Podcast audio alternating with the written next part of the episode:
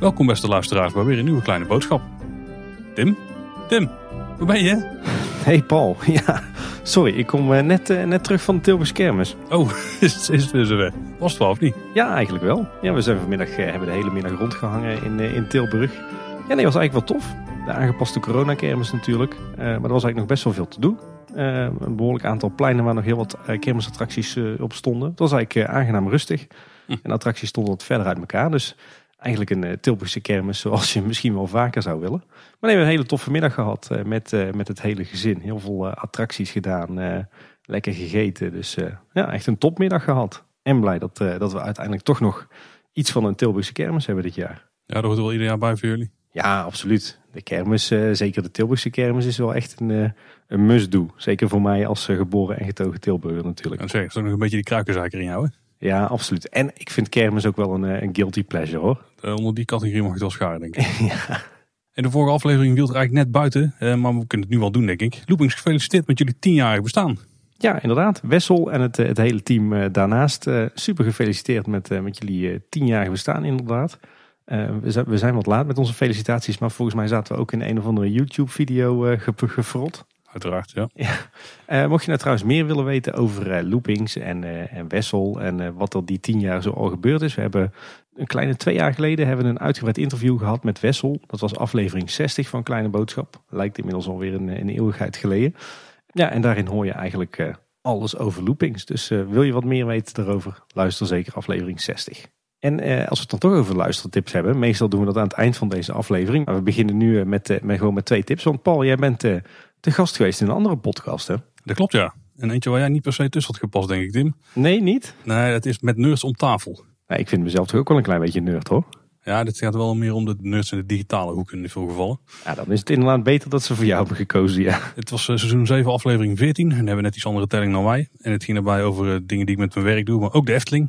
En ook eh, wat digitale innovaties daar rondom me heen, die kwamen aan het einde nog even terug. En ook een stukje van eh, mijn Nintendo-verzameling. Maar daar hebben we het maar heel kort over gehad. Maar eh, een groot deel ging wel over de Efteling. Vonden de man aan tafel ook wel interessant. Ja, kijk. Ik ben heel benieuwd. Hij is eh, op het moment dat we deze nieuwsaflevering opnemen, is hij eigenlijk, staat hij pas net online. Dus ik ga hem zeker luisteren. En we zullen hem ook even linken in onze show notes. Hè. Die vind je natuurlijk op kleineboodschap.com bij, bij de aflevering. En dan de follow-up. We kregen wat follow-up over aflevering 161. Dat waren reacties van luisteraars. En daarover schreef Jonas van der Vloed. Net aflevering 161 reacties van luisteraars beluisterd. Hier wordt verteld dat een B&M Flying misschien te intens is voor in de Efteling en oncomfortabel. Nu, de originele in Alton Towers is totaal niet intens. Dat was ook een eis van de ontwerper. Het doel was een leuke aangename vliegervaring te hebben. Het liggen in de beugel is alleen oncomfortabel als je te lang in de breakrun moet wachten. Laat die Flying maar komen, maar ik ben ook niet tegen inverted. Nou, dat is toch een, eh, een geruststellende gedachte. Dan eh, blijf ik bij mijn punt dat een eh, B&M Flying zeer welkom is in de Efteling. Ik ben zelf wel bekend met de Air, of volgens mij is het tegenwoordig is een of andere Virtual Galactica Hupplepup of zo. Met een, met een VR-bril. Die achtbaan die is dus helemaal niet hoog. Die is maar volgens mij 20 meter hoogteverschil heeft hij in totaal of zo. En dat is het hele punt van een achtbaan die op strookrijk kan verschijnen. Dat hij tot 60 meter hoog kan zijn. Als je die ruimte dan gaat opofferen aan een achtbaan die 20 meter hoog is. Want dan is hij comfortabel nog met die hoogte.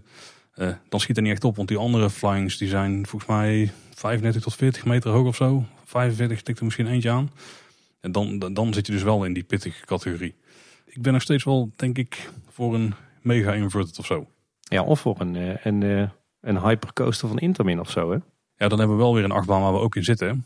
En ik denk dat dat een beetje hetgeen is wat ze in Efteling moeten gaan bekijken. Of dat er nog achtbaantypes zijn die we niet hebben, waarbij je niet gewoon in een bakje zit. Want buiten de Baron die dan floorless is, waar je in principe ook gewoon nog steeds zit, eh, is er wel ieder achtbaantype wat we op dit moment hebben nog. Nou, ik heb wel de ideale oplossing, Paul, voor strookrijk dan. Als we dan toch eh, tot 60 meter hoog kunnen, dan zeg ik gewoon, eh, zet een B&M Flying neer en een mooie droptoren. En dan, dan hebben we het beste van twee werelden. En nog een hyper erbij, want dan kan die flying lekker laag blijven. Gewoon nog een achtbaan in. Ik hoor alleen maar goede dingen. Als er nog maar wat geld over is voor thema. Precies. Ehm, we hadden, ook nog wat follow-up op onze vorige nieuwsaflevering. Dat was aflevering 162. Ehm, daarin hadden we het over de speciale jongerenwachterijen. Zeg maar de speciale wachterijen voor jongeren tot 18 jaar. En daarbij was er even onduidelijkheid over van hoe worden die nou, die nou gebruikt. We hadden berichten opgevangen dat er dat telkens één achtbaantrein werd gevuld met de reguliere wachtrij. En één achtbaantrein daarna met de jongerenwachterij. Maar we kregen wat verschillende feedback. Uh, Vogelrok 98 die zei bijvoorbeeld... Uh, jongeren tot 17 jaar hoeven geen anderhalve meter afstand te houden. Dus ze vullen de treinen eerst met oudere mensen... en daarna vullen ze de gaten op met jongeren. Daarom is het een aparte rij, al dus een medewerker. Dus niet trein om trein. maar Ramon Heren die zei... gisteravond vulden ze treinen van poort 9 tot en met 1... met steeds een poort ertussen als huishoudens niet bij elkaar horen... En 10, 11, 12 werden gevuld met jongeren. En dat laatste, dus de uitleg van Ramon, lijkt me iets plausibeler. Want uh, als je jongeren gebruikt om alle gaten in de trein op te vullen. Je moet wel anderhalve meter afstand houden tussen jongeren uh, en mensen van boven de 18. Alleen jongen onderling hoeven die afstand niet te houden. Had ik ook te denken dat best, uh, dat best zou kunnen dat ze die laatste wagentjes, als ze die gewoon flexibel vullen. Dat ze af en toe bijvoorbeeld rij 9 ook vullen, dus 19, 11 en 12. Een beetje afhankelijk van hoe druk bij de wachtrij zijn. Dus als de jongere wachtrij drukker is, dat ze dan iets meer mensen van die rij achterin zetten. Dan wat open laten en dan uh, met de reguliere rij vullen. Of andersom, als de reguliere rij vol is, dat ze wat minder uit de jongere rij pakken. En uh, op die manier een beetje die balans bewaren. Dat kan natuurlijk mooi. Ja, maar de clue is natuurlijk wel dat je dus wel anderhalve meter afstand moet hebben tussen huishoudens van mensen uh, van boven de 18 jaar. En dat het alleen niet hoeft als je jongeren bij elkaar zet. Precies. We hebben ook een tip gekregen, daar heb ik zelf gretig gebruik van gemaakt. Je oh. had het de vorige keer over het boek The Amusement Park. Dat er echt een boek was om wat te smullen als je er iets om die geschiedenis gaf. Daar had ik het niet alleen de vorige keer over. Hoor. Daar heb ik het volgens mij al drie afleveringen over gehad. Misschien dat ik er in de toekomst ook over kan hebben. Want uh, we kregen de tip van Jochen dat hij dus beschikbaar is nu als e-book via Apple uh, iBooks. Ik weet niet of hij op andere platformen beschikbaar is. Maar daar heb ik hem in ieder geval uh, gekocht voor 3,99 euro. En dat was een prima prijsje. Ja, zeker. Ja, het is echt een, een must voor iedereen die geïnteresseerd is in de, in de geschiedenis van het ontstaan van de, van de pret- en themaparken. Dus dit maakt hem alleen maar toegankelijker. Ik weet zo niet of dat ik dat dan ben, maar daar kom je dan vanzelf achter als ik hem ga. Daar kom je zeker vanzelf achter, want als je dat niet bent, dan eh, ben je denk ik na een paar pagina's ook echt afgehaakt. Nou, dan waren het een paar pagina's van een paar uh, tientallen centen de stuk. Dat was wel de moeite. Ja. Je kan hem ook wel een keertje lenen bij mij, Paul. Ik heb hem nou, ik heb hem nou. Oh ja, dat is waar. we hadden natuurlijk ook nog aflevering 163, uh, eh, waarin we onze masterplannen voor de wereld van de Efteling presenteerden, samen met Danny en Niels. Mm -hmm. En we kregen um, onder andere wat leuke feedback van Siri Daniel. Die had wat, uh, nog wat uh, leuke innovatieve ideeën voor het uh, golfpark wanneer dat sluit. zij zei namelijk van kun je niet die vennen op het golfpark bijvoorbeeld gebruiken als natuurlijke zwemvijvers. En misschien kan je een deel van het groen ook al gebruiken als een soort voedselbos. Waar je bijvoorbeeld groentes en fruit kunt kweken voor Bosrijk en het Loonse Land. En waar mensen ook zelf voedsel kunnen verzamelen. Een beetje als een soort van zelfpluktuin. Misschien kun je daar nog wat met, met educatie doen. Paddenstoelen, vlinders, et cetera. En ik vond het allebei verrekkers goede ideeën, om het zo maar te zeggen. En heb je daar zelf nog ideeën over, dan horen die ook graag. Hè? Dus als mensen zelf nog een mooi plan hebben, een mooi masterplan voor de wereld van Efteling, stuur die zeker naar op. En wie weet, als we er voldoende krijgen, maken we er een losse aflevering van. En anders dan pikken we er een paar uit die we nog behandelen als reactie. Precies. Zullen we dan naar de hoofdonderwerpen gaan, Tim? Ja, lijkt me goed. Dan gaan we het toch weer over Max en Morris hebben. Ja, hij blijft terugkomen inderdaad. Zolang er nog eh, kleine wijzigingen zijn en ons nieuwe dingen opvallen. Nou, dit keer zijn we er wel redelijk rap doorheen, denk ik. Even wat nieuwtjes nog over de overkapping. Ja, eh, inderdaad. De overkapping van vrouw Bolterskuge die is nu dus eh, echt open en in gebruik. En ik liep er laatst langs. Op zich erg onder de indruk van de overkapping zelf en alle decoratie. Alleen tot mijn verbazing hebben ze nou weer een coniferenhaag aangeplant. Waarmee dat ze een deel van de overkapping afschermen van het zeg maar doorgaande pad vanaf de entree richting Fata Morgana. Vond ik een beetje jammer. Ik vind een, een conifere haag van twee meter hoog vind ik altijd toch wel een klein beetje een zwakte bot. Waar staat hij dan? Staat hij dan achter de houten planken, zeg maar achter de houten wand of staat hij daar links van? Nou ja, hij staat denk ik op het moment als je, als je de hoek omgaat. want het is zeg maar in, in de open gevel. Dus waarschijnlijk had, vond men dat er toch iets te veel inkijk was of zo in het overdekte terras. En een deel van, van die ruimte is dus helemaal opgevuld met zo'n coniferenhaag. Oké. Okay. Ik heb ook nog een berichtje van een anonieme luisteraar. En die was het opgevallen dat de kippen bij vrouw Volterskuge waarschijnlijk dezelfde zijn als bij de oude Tufferbaan. Hm. Ik moet zeggen, dat, dat, idee kreeg ik ook. Ik heb het alleen niet in foto's naast elkaar bekeken, maar het zou best kunnen, ja. Ik denk dat ze gewoon de mollen hebben hergebruikt dan. Hè. Dat is, scheelt wel wat euro's. Ja, verder viel op dat, uh, dat uh, de tijdelijke meandering die nu is gemaakt uh, vanwege het hele corona-verhaal, dat die nog verder is uitgebreid. En deze keer in de richting van het spookslot. Hè, dus zeg maar waar nu dat kaalgekapte terrein, waar nu die toiletwagens staan. Daar hebben ze nu nog een extra stuk meandering gemaakt van die, die houtconstructie met die plexiglazen platen of die folie erin. Dat gedeelte is overigens nog niet overkapt met van die sheddaken met zonwerende doek erin. Ze zijn eh, van de week ook bezig geweest in de originele uitbreiding van de wachtrij. Want daar helemaal achterin, als het had geregend, dan kon er nog een enorme plas ontstaan. En wij stonden in de wachtrij bij de avondopenstelling, die nog eh, om 7 uur begon. En die wachtrij liep maar niet door en we snapten helemaal niet waarom. Want er stond helemaal niemand links van ons te wachten. Waar dan de mensen ons tegemoet hadden moeten komen, zeg maar. Bleek dus dat achteraan iedereen daar uh, capriolen aan het uithalen was om over die plas heen te klimmen. maar, het mooie van die overkapping is dat die aan de onderkant open zijn. Dus je had er ook gewoon onderdoor kunnen stappen. Maar zo snugger waren de mensen nog niet voor ons. Totdat wij daarvoor deden. Toen ging de wachtrij een stuk sneller. Maar inmiddels hebben ze er ook wat extra put in de grond eigenlijk. Zodat de water daar gewoon weg kan. Kijk, jullie gaven even het goede voorbeeld. Ja, blijkbaar. Dan nog een uurtje. René Peters die ergens als het goed is te horen zou zijn als uh, de veldwachter. René Peters is natuurlijk degene die wij vooral kennen als Jurgen Veilig. Is nu ook te horen als omroeper in de wachtrij. En die geeft daarin uh, veiligheidsinstructies. Dus mooi een thema. Ja, leuk. Um, en we kregen ook een berichtje van de Insider. Oh ja, dit was een mooie. En deze vond ik heel erg interessant, ja. Uh, en die zegt uh, tegen ons, uh, Fons zegt dat er geen concrete plannen zijn geweest voor de Fabula loods aan de kant van Max en Moritz. Maar het kantoor zelf zegt daar wat anders over. Zo heeft de Efteling aan het begin van het project 3 miljoen euro opzij gelegd om de loods te thematiseren naar een berg. Maar achteraf bleek het 8 miljoen te mogen kosten. Hierdoor is dat niet doorgegaan. Ook zou er vanaf de berg water naar beneden stromen dat uitkwam op het beekje onder de beide banen. Ja, dat zou toch wel heel gaaf zijn geweest, Paul. Als het dan uh, ruim de helft van je budget gaat kosten, want tenminste de helft van het budget wat de attractie daarnaast zou moeten kosten, ja, dan uh, klinkt het als veel. Maar toch, 8 miljoen klinkt wel overdreven, want bij Symbolica, daar, daar zit vergelijkbare hoeveelheid rotsen, denk ik. Dus zal het ook niet zoveel hebben gekost. Of zou het dan vooral de hoogte zijn die daar extra kosten aan toevoegt? Nou, uh, 8 miljoen euro lijkt me inderdaad ook echt bizar veel. Ik vond 3 miljoen euro al ruim klinken. Maar goed, dat zal een reëel bedrag zijn. Maar 8 miljoen kan me haast niet voorstellen. Nee. Als het misschien uh, gemaakt met een of ander uh, met, met porselein of zo denk ik in plaats van spuitbeton. Bladgoud. Ja. Maar het klinkt wel heel tof. Als we dit nog ooit doen, als we nog ergens een potje geld vinden tussen waar kussens of zo, dan mag je die best op inzetten hoor. Dit klinkt als een bijzonder goed plan, ja.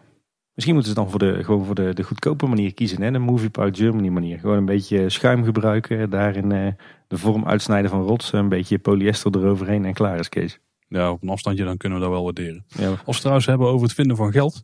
In de wachtrij van Max Moritz is ook geld te vinden. Dat hebben we aangehaald in onze aflevering over Max Moritz. Maar het was om hier ook nog opgevallen dat het ook een Duitse mark is.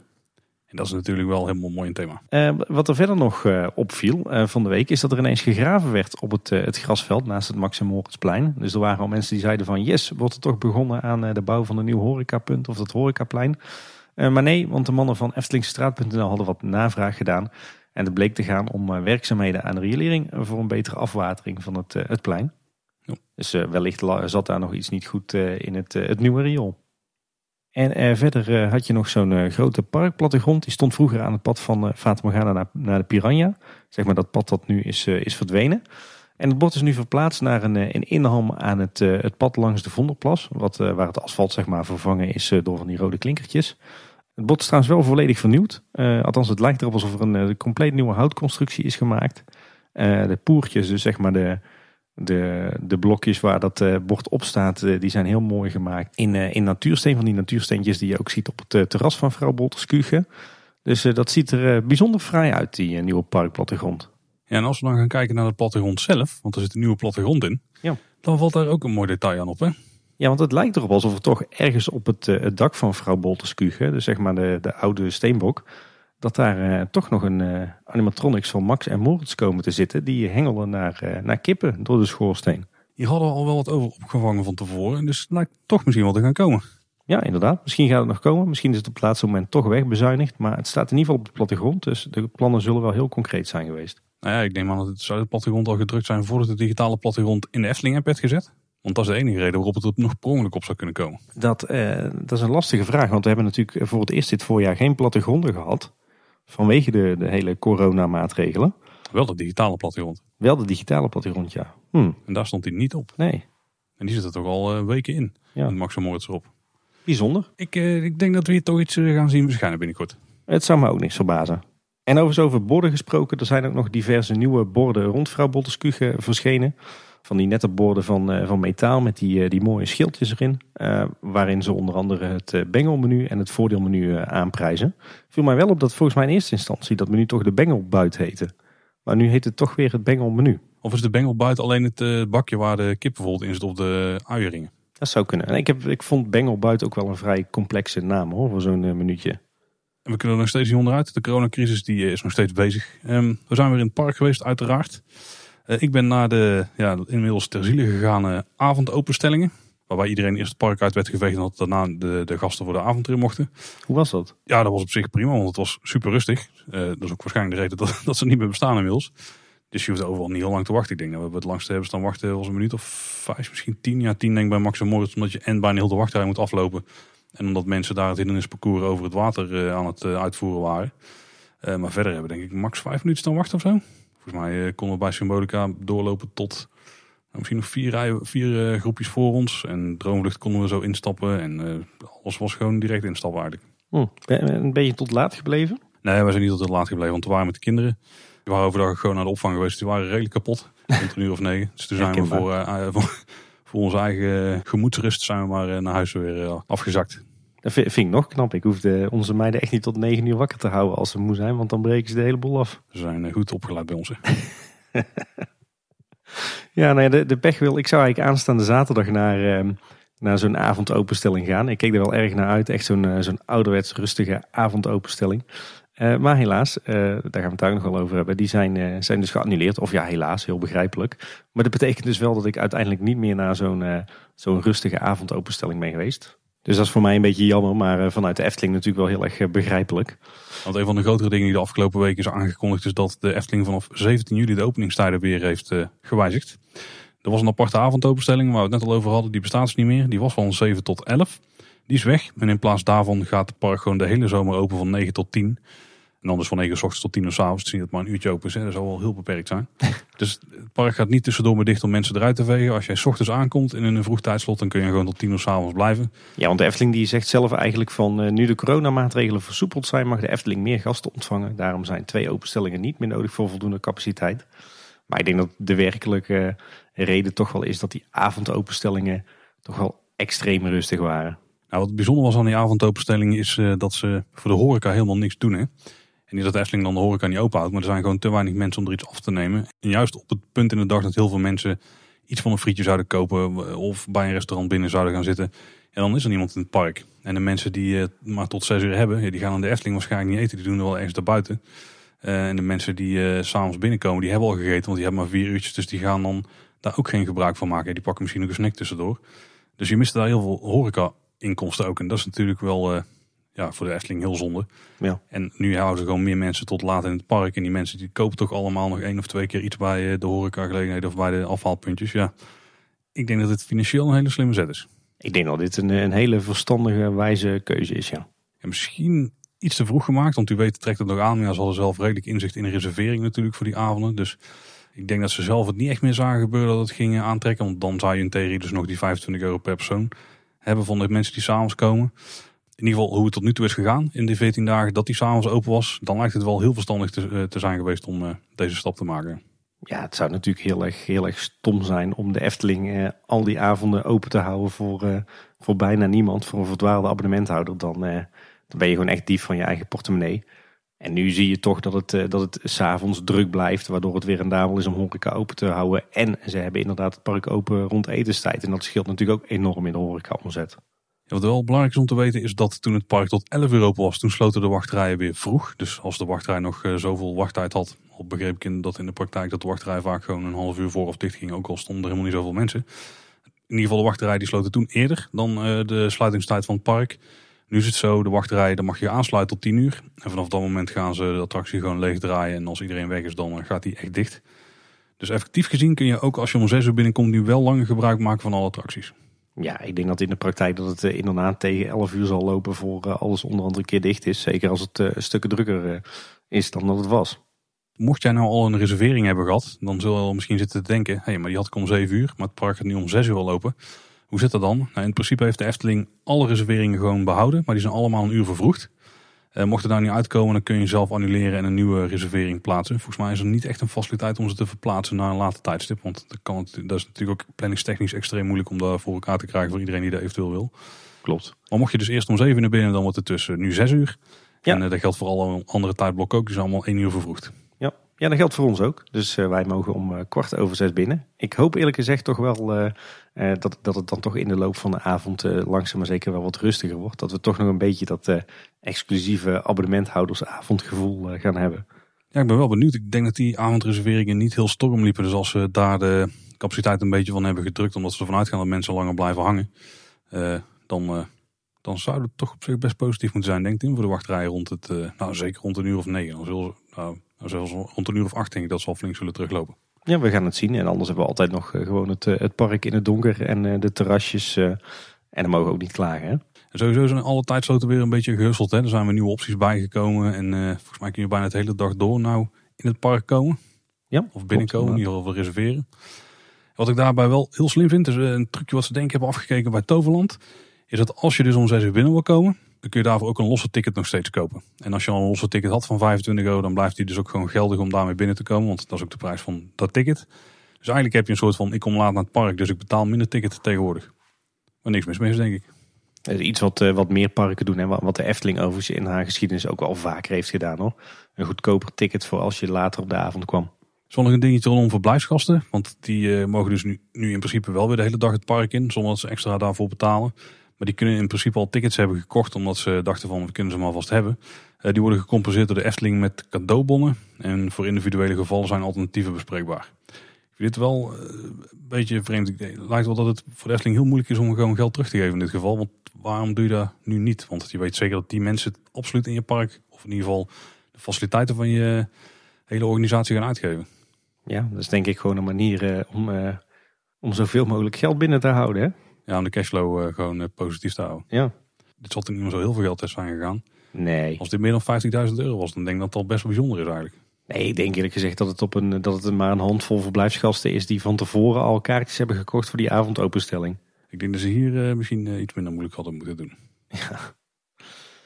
En eh, wel overigens, of ja wel, ook positief nieuws eh, en eh, best wel verrassend nieuws is dat eh, vanaf eh, zaterdag 18 juli eh, in het Efteling Theater een eh, gratis parkshow te zien is. Het. Sprookjesboom Zomerconcert. Dit hebben ze gewoon even twee dagen voordat hij ging draaien al aangekondigd. Hè? Of pas aangekondigd moet ik eigenlijk zeggen. Dit, eh, dit verraste mij echt op een hele positieve manier. Denk. Volgens mij hebben wij het op de ochtend dat ze het aankondigden het erover gehad. Dat als Caro weer ging draaien, dat we dan toch wat tickets moesten gaan scoren voor, eh, om het uh, de te gaan. dat zal nog even gaan duren, denk ik. Want het, deze hele zomer komt Caro in ieder geval niet meer in het theater terug. En in plaats daarvan hebben we dus echt weer een, een ouderwetse parkshow tijdens de openingstijd. Voor alle parkbezoekers zonder bij te betalen. En heel belangrijk in het Efteling Theater. Want die andere elementen hadden op zich al wel in het park. Het, het voelt voor mij wel weer een beetje alsof we weer naar die grote witte tent eh, op het oude zwembad mogen hoor. Het is toch anders, hè? Naar een theater, zo'n groot theater, dan dat je naar het Sprookjesbos Theater gaat. Of zo. Ja, precies. Eh, nou, waar, waar gaat de show over? Eh, we, we kunnen wel even voorlezen van de blog wat, wat, de achterliggende, wat het achterliggende verhaal is. Eh, de Sprookjesbosbewoners staan te popelen om, op te mogen treden en hebben een speciaal concert gepland deze zomer. Aan feestelijke aankleding is geen gebrek en er zijn zelfs posters verspreid. Wolf staat niet op de poster en ontdekt zo dat hij niet mee mag doen. Die plek in de spotlight kan hij mooi vergeten en daar hij niet blij mee. Wolf smeet een sluw plannetje om daar verandering in te brengen. Zal het hem lukken om ook zijn plekje op het podium te krijgen? Nou, ik heb zo'n vermoeden van wel. Om die vraag maar vast beantwoord te hebben. ik heb hem nog niet gezien. eh, jij ook nog niet, denk ik, hè?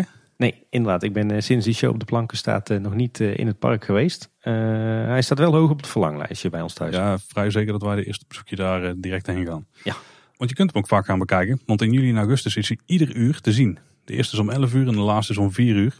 Dus zes keer per dag een show en die duurt dan 25 minuten per keer. Zo, echt wel indrukwekkend. zo vaak zo'n grote show. Met toch behoorlijk wat, eh, wat inzet van personeel. Niet alleen van acteurs, maar ook van exploitatiepersoneel. Om het, eh, dat hele theater eh, draaiende te houden. Volgens mij zijn er drie acteurs in de show die spelen. Wat ik eh, ervan heb gezien op filmpjes wel inderdaad, ja. Wat belangrijk is, je hoeft niet te reserveren. De deuren die openen een kwartier voor aanvang in plaats van worden toegewezen. Ik heb een paar foto's gezien uit de zaal. Volgens mij is het nog niet altijd heel erg vol. Het is natuurlijk nog steeds zo'n gek hoekje van het park. En mensen moeten het even nog leren kennen dat het er is. Dus Ja, nou op zich wordt de show nu al wel op best wel wat plaats in het park gepromoot. Hè. Ik heb al gezien dat eh, de show eh, op de schermen bij binnenkomst eh, stonden.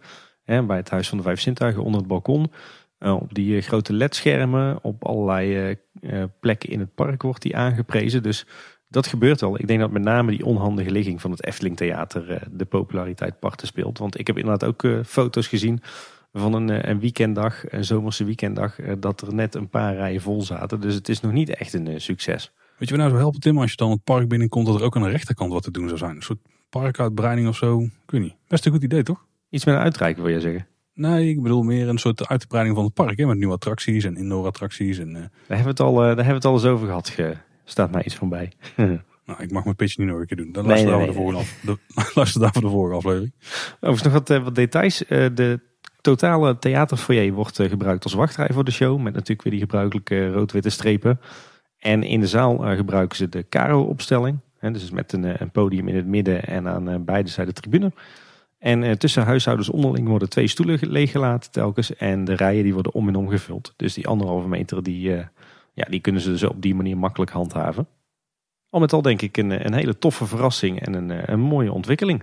En nu even zorgen dat er wel mensen heen gaan. Want dan uh, voelt de rest van het park hopelijk wel minder druk. In ieder geval in die uurtjes tot 6 uur. Ja, als je, als je al het entertainment deze zomer bij elkaar optelt. Dan kun je daar toch best wel weer een, een entertainment planningje mee vullen. Ja, ja staat stiekem behoorlijk wat, eh, wat, wat, wat dingen nog op de plank hoor, deze zomer. Ze hebben op dit moment dus wel echt ieder theater ingezet voor een show. Dus dat is op zich wel gunstig. En wat we al eerder zeiden, in principe is al het entertainment gewoon in theaters. Want daar, daar kun je het makkelijkste de mensen op hun plek zetten en daar houden. En hebben ze geen uh, straattheater om het zo maar te zeggen. Behalve dus weer zoiets als uh, zo'n heks die beweegt en waar mensen niet in groepjes bij gaan staan. Dus u weet dat we van de laatste type nog wel meer gaan zien. Ja, daarbij wel even de disclaimer dat het er steeds meer op gaat lijken dat nu ook eh, de instanties toch toegeven dat het coronavirus zich vooral verspreidt in binnenruimtes waar mensen bij elkaar zitten met een wat slechter binnenklimaat. dus het zou me ook niks verbazen dat straks alles naar buiten moet worden verplaatst. Ja, dan hadden we de afgelopen weken ook nog twee ja, min of meer interessante berichten in de media over de coronacrisis en de gevolgen daarvan voor de Efteling. RTL Z had een rapportage en die vroegen zich daarin af hoeveel heeft de coronacrisis de pretparken gekost. En daarbij gaan ze een aantal voorbeelden. Het was een bot, ja, bierveeltjesberekening hadden gedaan. Gewoon een hele simpele, hoeveel dagen is het park dicht geweest? Hoeveel zetten ze gemiddeld om op een dag, nou, et cetera. Hij heeft ook voor andere parken gedaan, zoals Walt Disney World bijvoorbeeld. Maar ons interesseert vooral specifiek de Efteling iets natuurlijk. Volgens mij kwamen ze uit op dat dit hele verhaal de Efteling een netto verlies op zou leveren van 3,5 miljoen. Dus uh, gewoon in plaats van winst een verlies. En in mijn ogen een redelijk klein verlies dan. Ja, dat zou mij ook wel meevallen als ze het uh, daartoe weten te beperken. Nou, zeker gezien het, eh, het, volgende nieuwtje wat we dan te bespreken hebben. De Efteling had zelf reactie over is gegeven dat op dit moment de openstelling niet rendabel is. Uh, dus ja, dan gaat het inderdaad richting een verlies. Ja, op zich best wel een, eh, zorgwekkende uitspraak, denk ik. Maar ook wel heel begrijpelijk als je ziet dat er op dit moment toch minder bezoekers binnenkomen, minder horeca-omzet. Maar tegelijkertijd wel een stuk hogere kosten vanwege al die aanpassingen en extra maatregelen. Ja, dan kan ik me zo voorstellen dat het, het dan kan ik me zo voorstellen dat de openstelling van de Efteling momenteel inderdaad eh, niet veel oplevert. Nee. Ja, dit was wel een bericht van 10 juli en toen hadden ze ook nog niet de avondopenstelling dat hij doorliep. Waarbij ik denk dat ze nu echt wel veel gunstiger uitkomen qua uh, financiën. Denk het ook, ja. Een bericht van een dag later was uh, dat de Efteling een kleine 10 miljoen euro had gekregen uh, via de NOW-aanvraag. 90% van de personeelskosten zijn daarbij vergoed voor een periode van drie maanden. Jaarlijks personeelskosten van de Efteling zijn dus 55 miljoen. Uh, die kleine 10 miljoen, dat is wel een mooie, mooie meevallen dan. Ja, als je, als je gaat rekenen, dan, uh, dan kom je eigenlijk wat tekort. Want uh, dan heeft de Efteling dus in drie maanden tijd ongeveer 14 miljoen euro aan personeelskosten. ze krijgen nu dus een kleine 10 miljoen vergoed.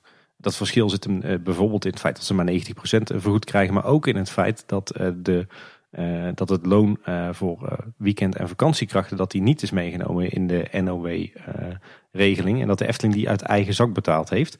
En dat zou in die periode van drie maanden over ongeveer 2,5 miljoen euro gaan, hebben wij zelf becijferd. Maar inderdaad, als ze 10 miljoen euro gestort krijgen op de rekening, dan wordt de schade denk ik toch best wel een, een heel eind beperkt. Dat is natuurlijk de hele reden dat die regeling ook bestaat. Dus wat dat betreft werkt die voor de Efteling goed en hopelijk ook voor veel andere bedrijven. Ja, ja, dan gaan we door met, uh, met de nieuwe en aangepaste maatregelen uh, in verband met de hele coronacrisis. Nou, iets wat mij allereerst opviel is dat er niet meer om en om wordt geparkeerd op het parkeerterrein. Dat was toch een van de stokpaardjes van de Club van Elf. Dat je vanwege die anderhalve meter afstand telkens de ruimte van één auto leeg moest laten op het parkeerterrein. dat gebeurde in de Efteling ook in eerste instantie heel netjes. Maar nu niet meer. Nu parkeert iedereen weer gewoon naast elkaar. En dat is eigenlijk ook iets wat ik ook bij andere dierenparken en pretparken heb gezien de laatste tijd. Dus uh, dat, uh, dat is toch iets versoepeld. Scheelt natuurlijk ook wel uh, enorm in de benodigde parkeercapaciteit. En als we het toch over parkeren hebben. Het personeel van de Efteling parkeert nu allemaal op de Oude Horst. Weer net zoals vroeger op drukke dagen. Alleen zijn het nu dus niet de auto's van bezoekers, maar auto's van personeel. wat wel grappig was, is dat het uh, met hele nette Eftelingse bordjes is aangegeven op de, op de bouwhekken. Dus dat was wel grappig om te zien dat ze bij zo'n zo'n simpel personeelsbordje, dat er ineens een heel uh, Eftelings bord hangt. En het viel me op dat er ook nu een, een permanente tourniquet is geplaatst. Um, ik dacht in eerste instantie bij Poortje Python die, uh, die tot nu toe werd gebruikt als uh, tijdelijke ingang voor personeel. Maar het lijkt er nu op alsof ze die tourniquet hebben neergezet bij de ingang uh, die mensen die in Villa Padus verblijven normaal gesproken gebruiken. Dus zeg maar tussen de Python en Joris en de Draak in. En daar staat nu dus zo'n tourniquet waar personeel naar binnen kan met de personeelspas. Zodat dat wachtershuisje bij de bij Port Python niet meer nodig is en ze die poort alleen nog maar voor calamiteiten hoeven te gebruiken, zoals normaal gesproken het geval is. Gebruiken nu ook niet een deel van die uh, ruimte voor een wachtrij? Dat was in het, uh, in het verleden zo volgens mij, maar, uh, maar nu niet meer. Is die weer verplaatst? ja, inderdaad. Of de vorige geloof ik die medewerkers die voor crowd control waren ingehuurd. Die blijken van Profisec te komen. En die worden bijvoorbeeld ingezet bij de inloop en de gedurende dag worden die verspreid over het park op, om de drukke punten in de gaten te houden.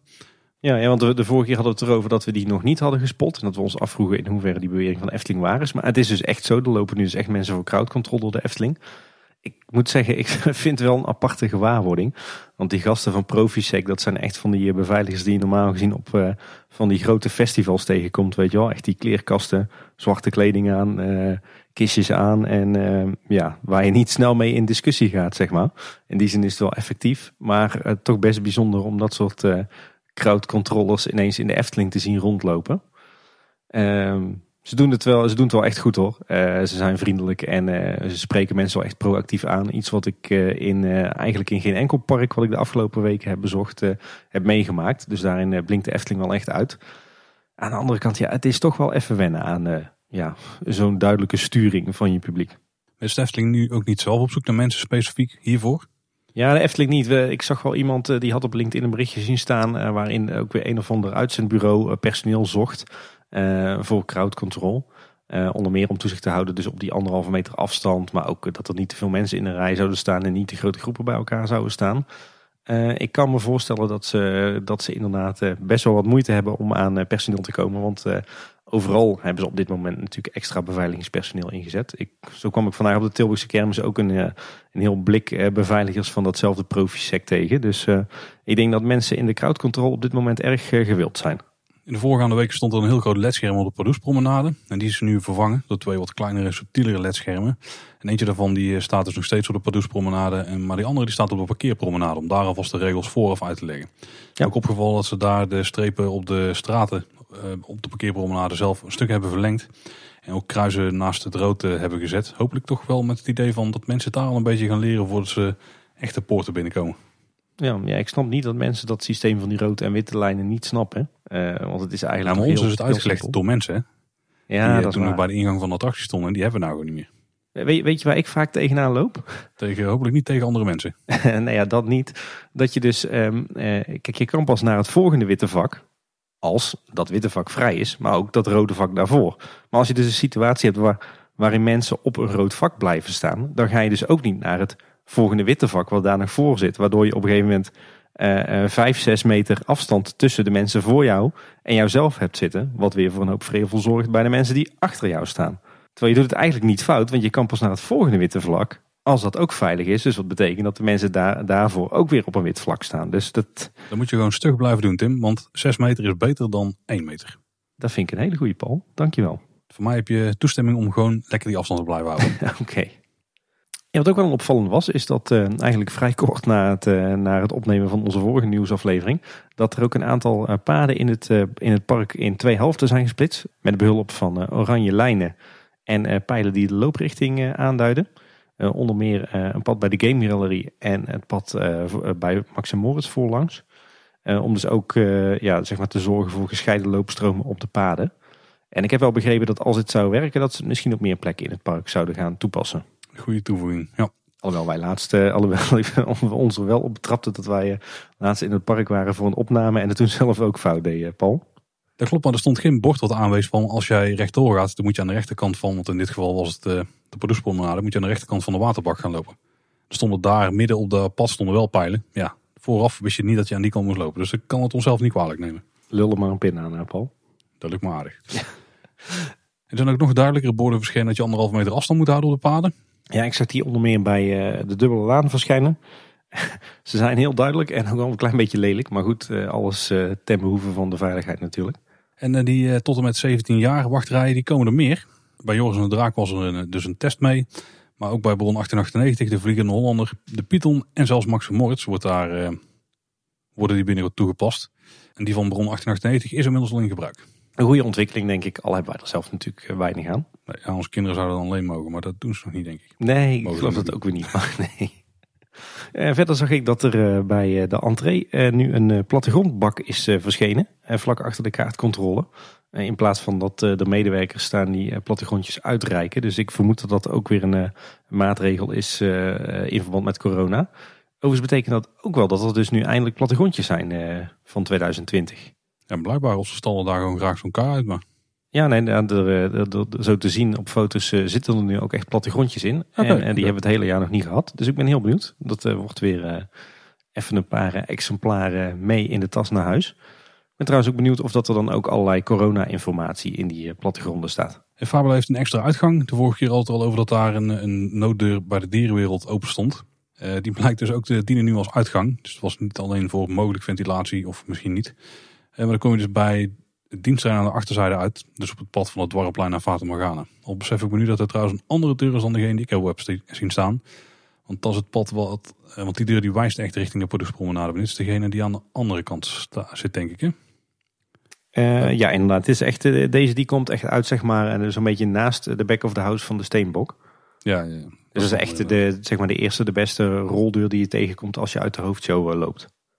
Op zich ook Ja. wel begrijpelijk dat als je niet in de dierenwereld of in het restaurant hoeft te zijn, dat je dan nu de gelegenheid krijgt om na de hoofdshow eh, dan meteen naar de uitgang eh, te gaan. In plaats van dat je jezelf weer door die hele mensenmassa moet wurmen. De wachtrij van jongens en de draak is ook uitgebreid. Die loopt dus nu voor een deel richting Villa Padus, over het stukje wat daar ligt.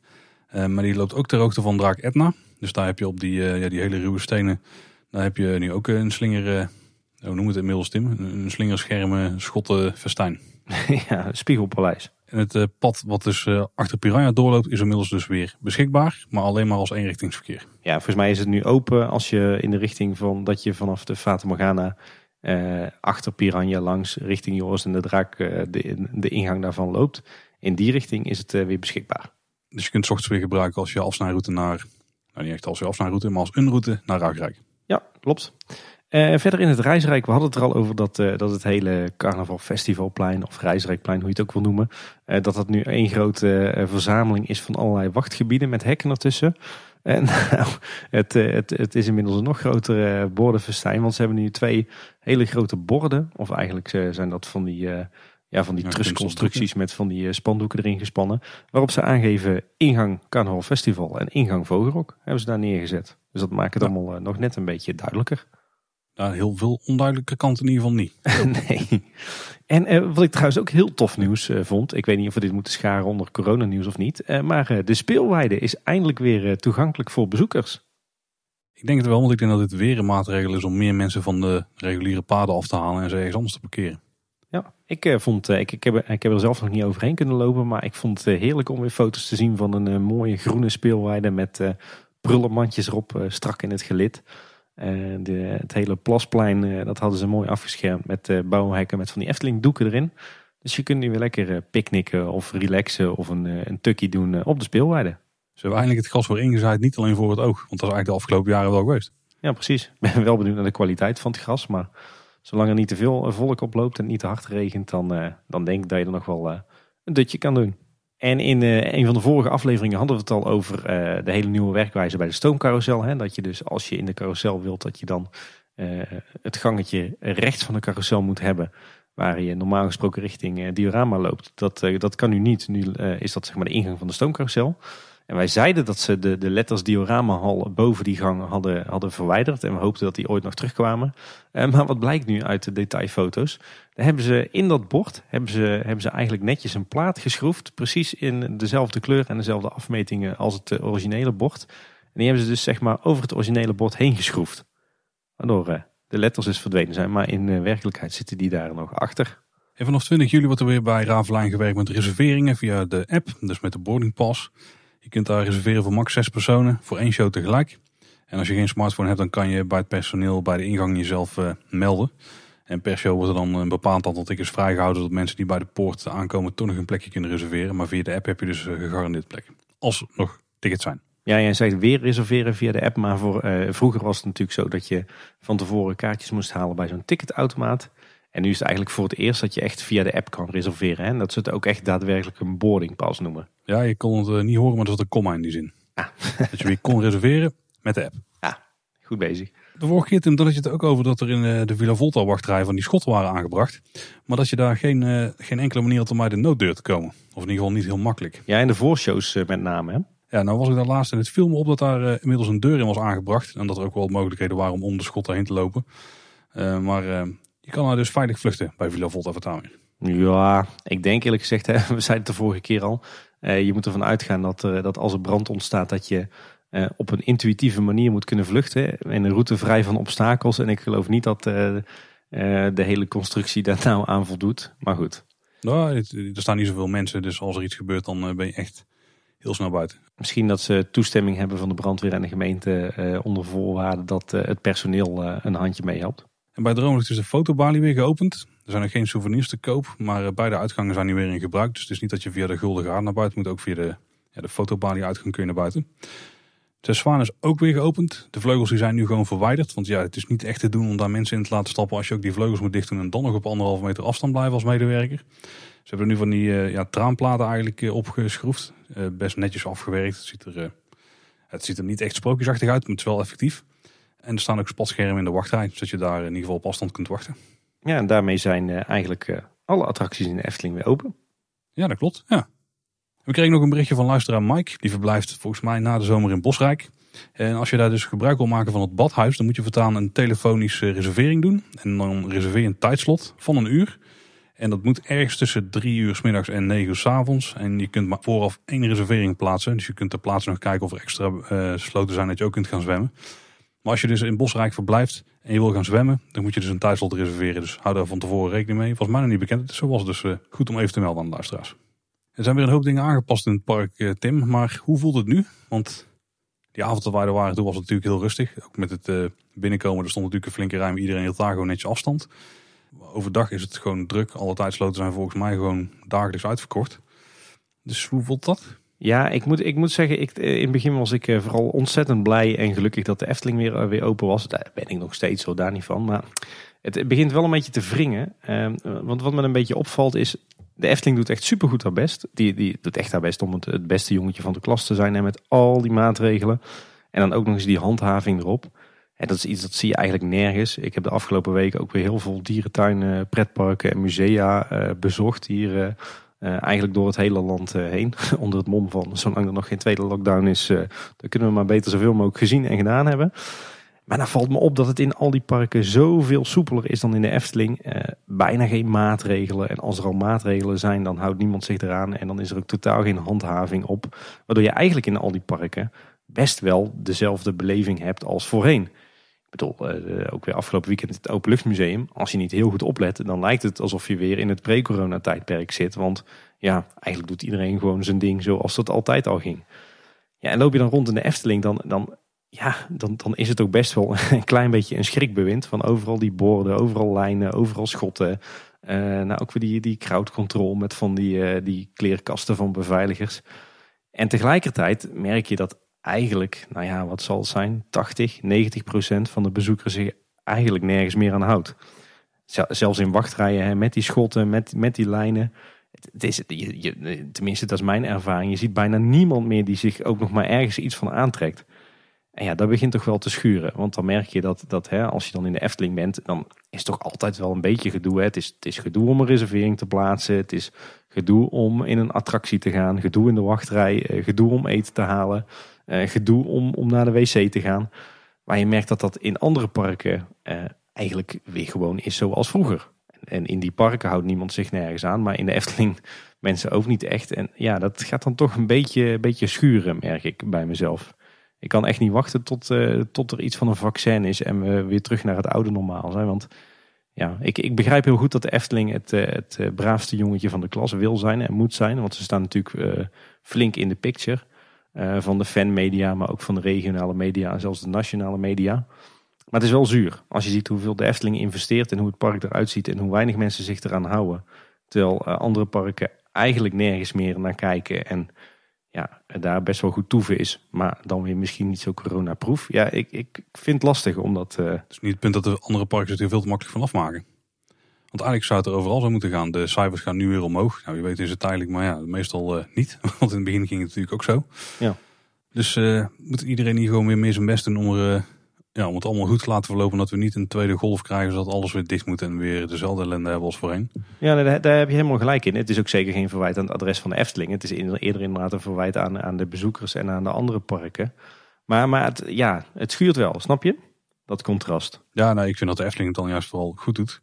Dus eh, als organisatie eh, met hoe ze alles, eh, alle regels toepassen en het allemaal veilig proberen te doen. Het is vooral inderdaad de bezoekers die moeten zich overal goed aan houden. Kijk, en als je daar, als er geen markeringen zijn, geen aanwijzingen van doe dit en je houdt je gewoon aan de regels die gelden, dan zou het in ieder park goed moeten gaan. Maar het lijkt er dus op dat als die geheugensteentjes niet zijn, dat het dan überhaupt helemaal niet gebeurt. Ja, je, hoort, je hoort al die parken zeggen van ja, die anderhalve meter is de eigen verantwoordelijkheid van mensen. Hè? Terwijl de Efteling zegt van ja, dat kunnen we niet van onze gasten verlangen. Het is onze verantwoordelijkheid. Dus nemen wij al die maatregelen. Ik dacht de Club van Elfde ook wel had, eh, ja, niet had opgelegd, maar wel in een soort van guidelines had staan. Ja, ja, dat is eigenlijk ook inderdaad raar. Dat die, dat die verschillen nu ontstaan tussen die parken onderling. Terwijl er toch werd gezegd van we trekken samen op. En in het begin, in de eerste paar weken was het ook wel. Maar je ziet dat het nu wel echt heel erg uit elkaar eh, gaat lopen. Je ziet dat in de Efteling allemaal eh, net zo streng blijft of nog strenger wordt. Terwijl het in andere parken echt wel eh, eh, flink versoepelt. Ik vind dat we met z'n allen maar eens weer goed ons best moeten doen om er niet weer een soortje van te maken. Nee, inderdaad. En daar komt ook nog eens bij dat je nu dus die ontwikkeling hebt. Hè, wat je al zegt, de, de, cijfers lopen weer op. Er is sprake van steeds meer, toch steeds meer signalen dat het, het virus zich met name in binnenruimtes verspreidt en niet in de buitenlucht. Eh, en we hebben hopelijk ook een eh, vaccin wat er aan zit te komen. Dus eh, ik ben bang dat we het onderwerp corona en aanpassingen van maatregelen, dat we daar voorlopig nog niet van af zijn. Nou, en als je daar meer over wil weten, dan zijn andere podcasts daar veel meer geschikt voor dan wij, denk ik. Precies, wij richten ons dan toch vooral om de invloed, op de invloed daarvan op wat er in de Efteling gebeurt en wat we in de Efteling zien. En ja, wat we al zeiden, ik denk dat we uiteindelijk alleen maar respect kunnen hebben voor hoe serieus de Efteling het, het aanpakt. En nu nog zorgen dat alle bezoekers net zo serieus erin zijn. Ja. Hmm, grote opgave. Het zomerseizoen in het algemeen, Tim, zijn ook, zijn ook allerlei dingen over te vertellen. En wat ik zelf heel tof vind, is dat dus blijkt dat er weer wat creatievelingen bij de Efteling in uh, hun hersenen flink hebben laten gaan. Want we hadden dus al die eh, zwevende heks, die dan als extra entertainment is toegevoegd. Maar er is nu nog meer entertainment op afstand toegevoegd. Dus we zijn echt aan het kijken van, hoe kunnen we nu toch entertainment doen en dat toch op een veilige manier en dus vooral op afstand. Ja, en wat ik ook een hele belangrijke vind, hè, we, we hebben nu al de ouderwetse gratis parkshow terug. Maar we krijgen nu ook steeds meer ouderwets straattheater in Eftelingse sferen. Ja, in dit geval is het niet echt straattheater, hè? Het is meer bostheater, ja. Ja, met bostheater, ja. Ja. Want wat er dus nieuw is, is dat er een eh, ja, entertainment speciaal voor de verblijfsgasten is. En het heet Kabouters aan het werk. En het vindt plaats in het Duitse bosje. Van vijf tot half zeven. En daarbij moet je dus verplicht afstand houden. En het eh, hele idee van die afstand houden is dat je dus eh, die kabouters ook klein ziet. Ik maak hier flinke airquotes, want ze zijn ver weg. En dan kun je dus allerlei foto's maken dat die kabouters op jouw handen bezig zijn, et cetera. Wordt ook gestimuleerd volgens mij. Ja. Dus goed bedacht. Ja, ik ben, ben wel benieuwd of het nu eh, gehandhaafd blijft, nu het park eh, gewoon open blijft hè, tot eh, tien uur s'avonds. Want dit was volgens mij met name eh, eh, bedoeld als opvulling eh, voor het moment dat verblijfsgasten terug naar hun, eh, hun huisje gingen. Omdat ze dan natuurlijk eh, uiterlijk om zes uur uit moesten uit het park. Eh, en dat is nu niet meer. Dus ik denk dat nu steeds meer verblijfsgasten gewoon blijven hangen. En dan is nog maar de vraag in hoeverre dat zo'n act tussen vijf en half zeven nog eh, toegevoegde waarde heeft. Ja, je zou het misschien kunnen doen op het heksenpad in het park. Dat zou een eh, goede plek zijn om dit Oeh. ook te doen. Of in het Sprookjesbos gewoon. Eh, hebben we daar nog wat diepe stukken bos waar je dit kunt doen? Ja, dat kan misschien achter ons een grietje of zo. Maar dan krijg je daar misschien wel weer groepsvorming op een smal pad. Ja, dat is waar. Want in het heksenpad daar is het trouwens ook. Maar dan moet iemand dan misschien begeleiden. Van kom er hier in en dan maximaal 30 man tegelijk toelaten. Of zo die dan aan de andere kant weer eruit lopen. Nou, Ja. er zijn mogelijkheden. Dan is het middel misschien weer erger dan de kwaal. Hmm, ja, ja, ja. Ja, en eh, goed nieuws, altijd goed. Maar er zijn weer eh, nieuwe seizoensspecials bij Polles Keuken. Eh, en het meest indrukwekkende is toch wel de zoete seizoensspecial. Die bestaat uit natuurlijk een pannenkoek met aardbeien, blauwe bessen, een bolletje pistacheijs, een pastijbakje met gele room, van die chocoladesticks en een blaadje munt. Oh, klinkt goed. Ik heb hem inderdaad al uitgeprobeerd, al voordat hij was aangekondigd trouwens. Zo, on the cutting edge Tim. Ja, ik, ik, kon, hem, ik kon hem niet weerstaan toen ik hoorde hoe dat die smaakte. Ik moet zeggen, hij is bijzonder smakelijk. Hij is wel een klein beetje complex qua smaken en texturen en mondgevoel. maar goed, voor een keertje is hij, is hij best lekker. Um, aan de andere kant, als ik kijk naar mijn favoriete seizoenspecials van de laatste jaren, dan zijn dat vaak toch wel de, de, de net wat simpelere uh, seizoenspecials, die bijvoorbeeld maar twee of drie uh, ingrediënten hebben die goed bij elkaar passen. Dit was toch best wel een opgave om te combineren en op te eten. Maar desalniettemin was het wel een hele smakelijke pannenkoek hoor. Dus ik heb graag dat offer gebracht voor de verslaglegging in deze podcast. Viel de pannenkoek frikandel speciaal dan ook onder een van die vorige seizoensfavorieten? Ik heb hem, want hij is inderdaad weer terug van weg geweest, de pannenkoek frikandel speciaal. Ik heb hem ooit wel een keer gegeten, ik vond hem niet lekker. Nou, dus oké, maar die is er inderdaad weer. Maar ja, dus niet per se een aanrader wat ons betreft. maar de, de zoete seizoenspecial dus zeker wel. Bij de Gulden Garden is een nieuwe snack gekomen. Ja, ik meer verschillende snacks. Hè. Het, is, het is een beetje het, het restaurant van de Efteling aan het worden.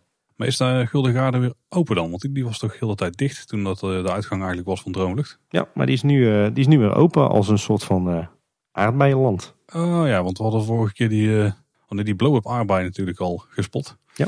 Dus je wordt echt bij een snack die je daarna kunt kopen. Ja, nou ja, de, de aardbei zelf is gelukkig weer weg. Dat lelijke ding. Oh, die is weg. Kijk. het wordt inderdaad een, een aardbeienrestaurant. Uh, wat, wat, ga je er, wat kan je er zoal krijgen?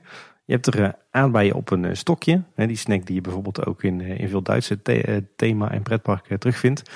of gedipt in witte chocolade. Of in de slagroom met Oreo stukjes voor 3,75 of 4,75. Maar daarnaast krijg je er, kun je er ook aardbeien smoothies krijgen. Of verse aardbeien met slagroom of zonder slagroom. Oh, klinkt goed. Een, een gezonde snack.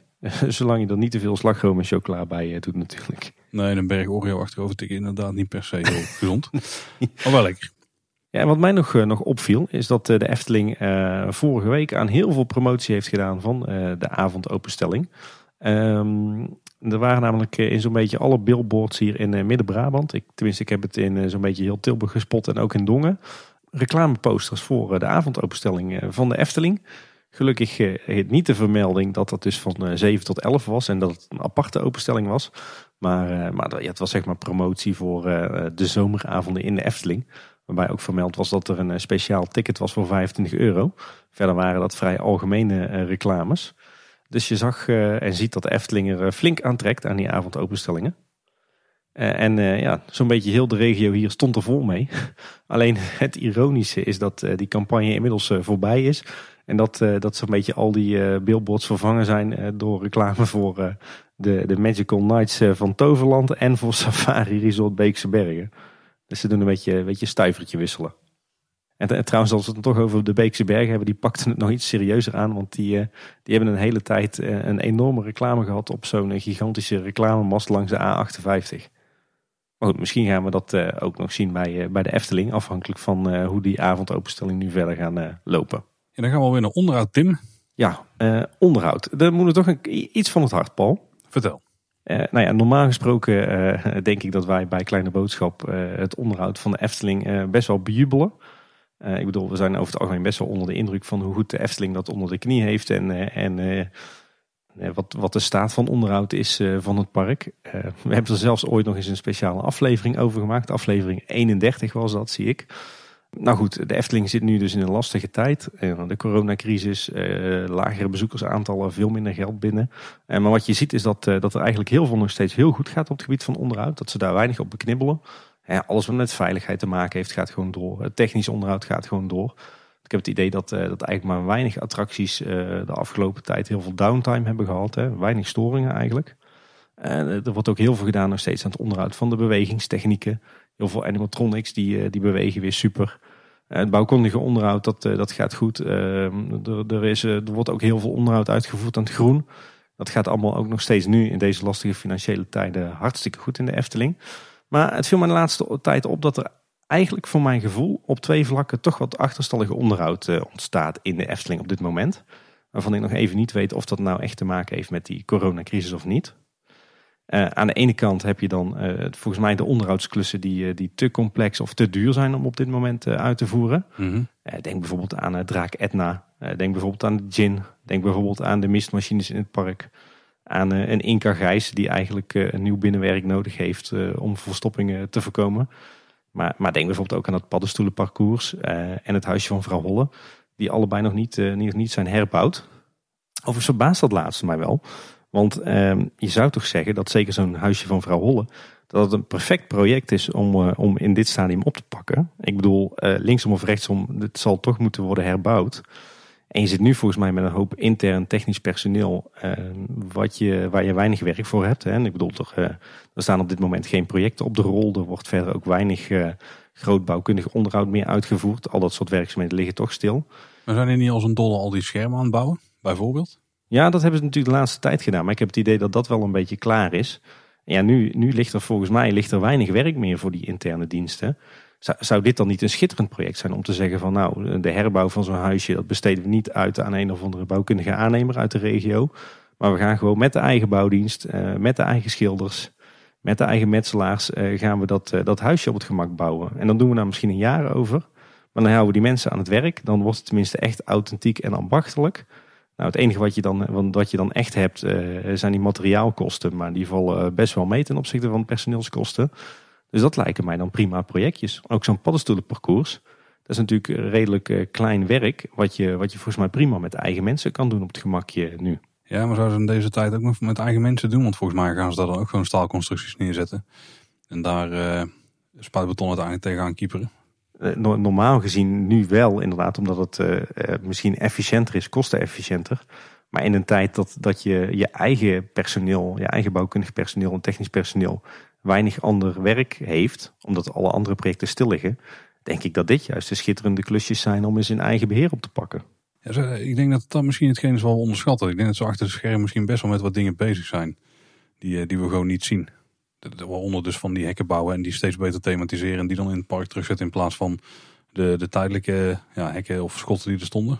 Hm, ik, heb, ik heb het idee dat de, de timmermannen en de metselaars en dergelijke momenteel niet heel veel werk om handen hebben. Ja, nou, nou, ik, ik, weet het niet. Ik heb, we zitten te zoeken naar redenen. dat is het ene punt waarvan ik denk van hm, daar, daar ontstaat toch wat achterstallig onderuit. Maar het andere punt wat mij de laatste tijd uh, een beetje op begon te vallen.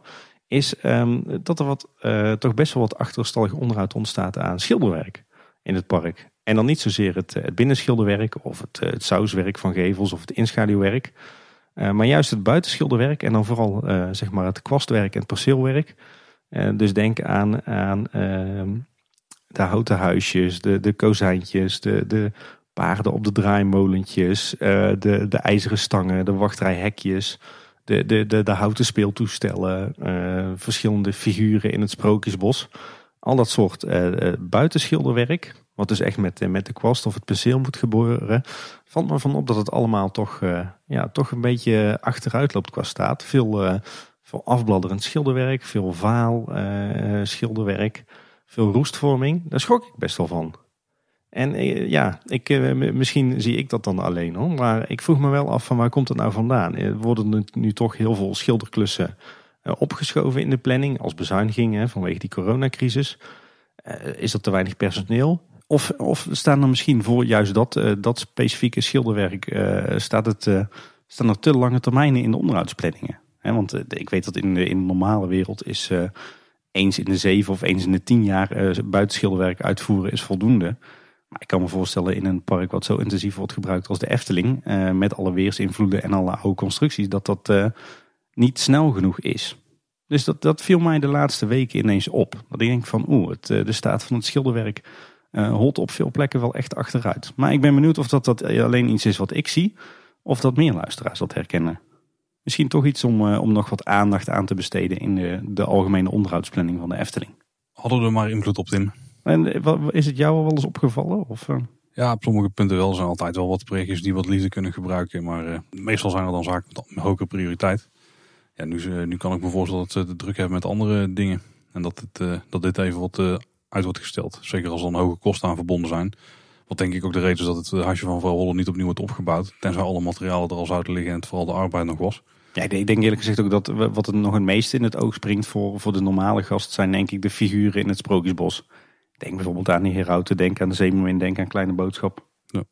Alle begrippen ook voor dat de Efteling nu de hand op de knip houdt hoor. Maar misschien wel iets om in de toekomst naar te gaan kijken. Zullen in ieder geval de dingen doorlopen die eh, wel zijn gebeurd of die nog wat aandacht kunnen verdienen? Zeker, zeker. Zo, die die nog wel aandacht verdienen. Ja, want de, de, de vorige aflevering hadden we het er, eh, hadden het er onder andere over dat eh, alle geureffecten in eh, de Efteling zouden uitstaan als een bezuinigingsmaatregel in verband met corona.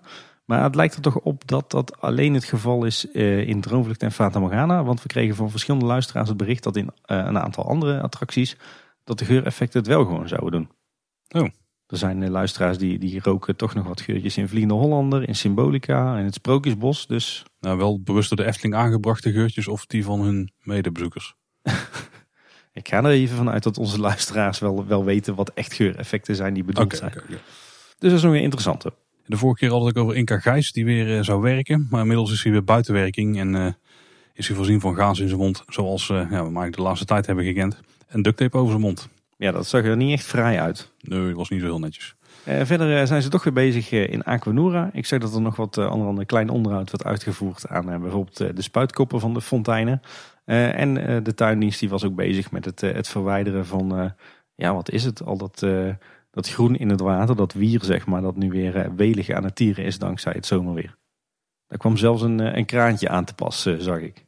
Eh, die was het ding eruit aan het scheppen, ja. Ja, nog wat updates over eh, de Fata Morgana. Er zijn twee animatronics eh, terug uit onderhoud. Ehm, de wachter links bij het, eh, het valhek. Als je richting de gevangenis gaat, die is een tijdje weg geweest en weer terug.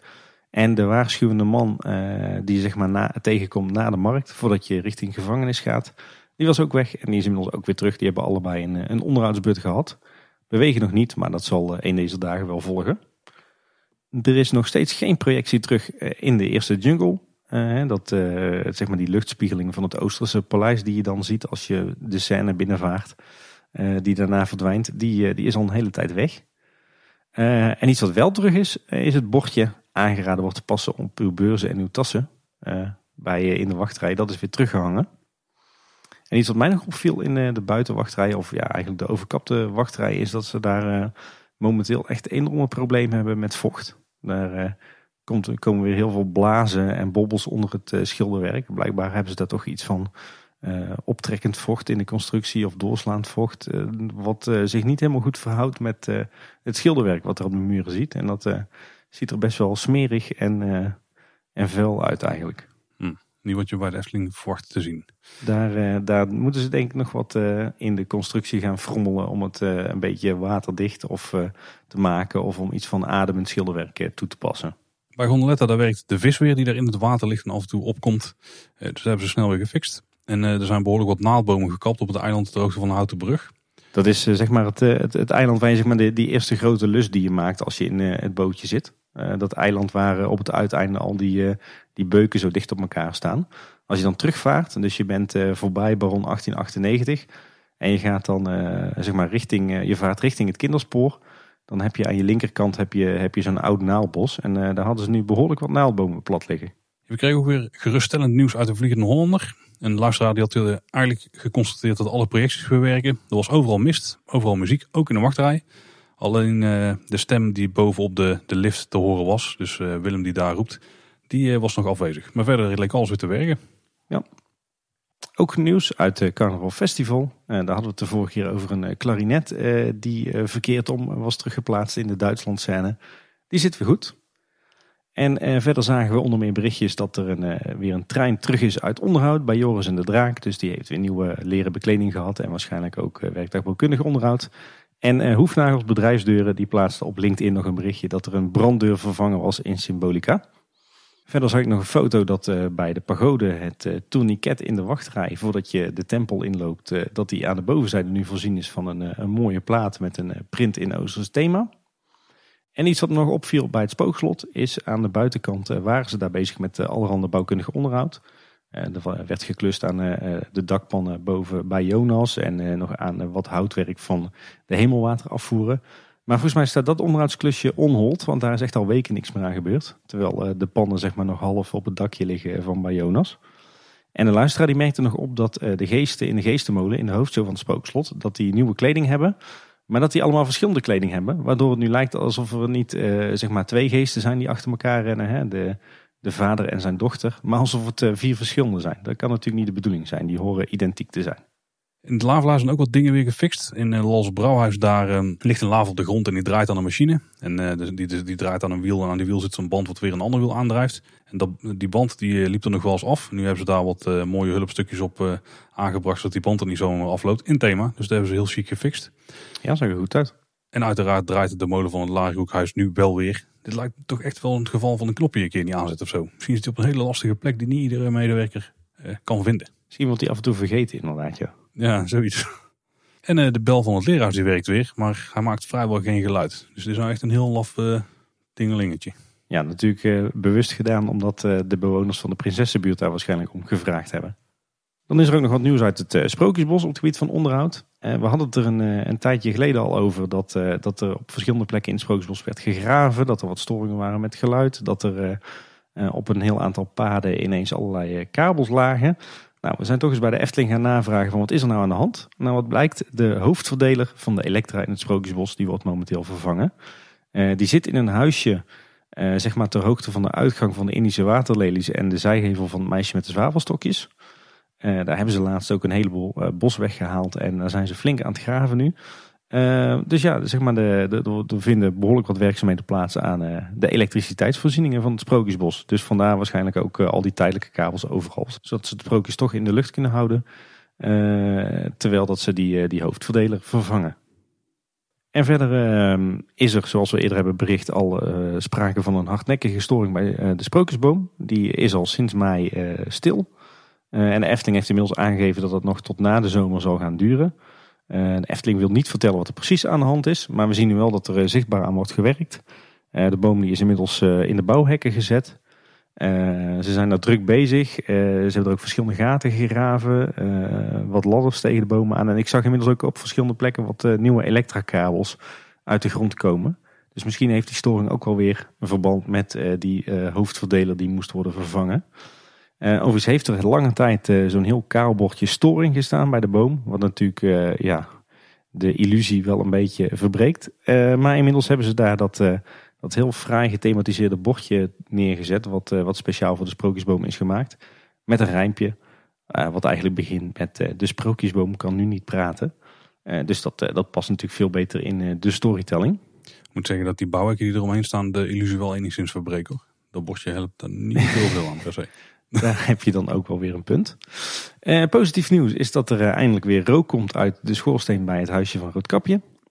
Uh, en Draak Licht geraakt hadden we het de vorige keer al over dat die ehm, ook in best wel een belabberde staat van onderhoud verkeerde.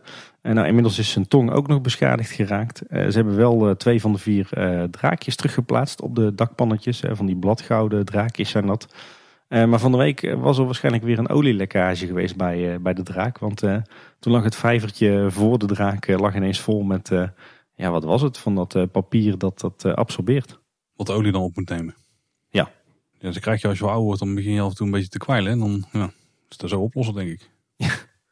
Verder werd er de afgelopen maanden ook flink geklust aan Villa Padus. en inmiddels is dat groot onderhoud helemaal klaar.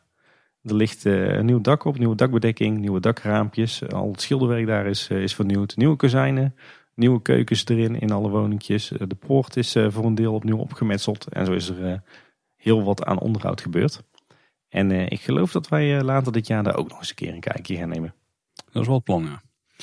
En wat mij nog opviel verder is dat, er, dat de gemeente het op zijn fatsoen heeft getrokken. En dat eindelijk de eikenprocessierupsen uit de bomen langs de Kinkerpolder zijn opgezogen.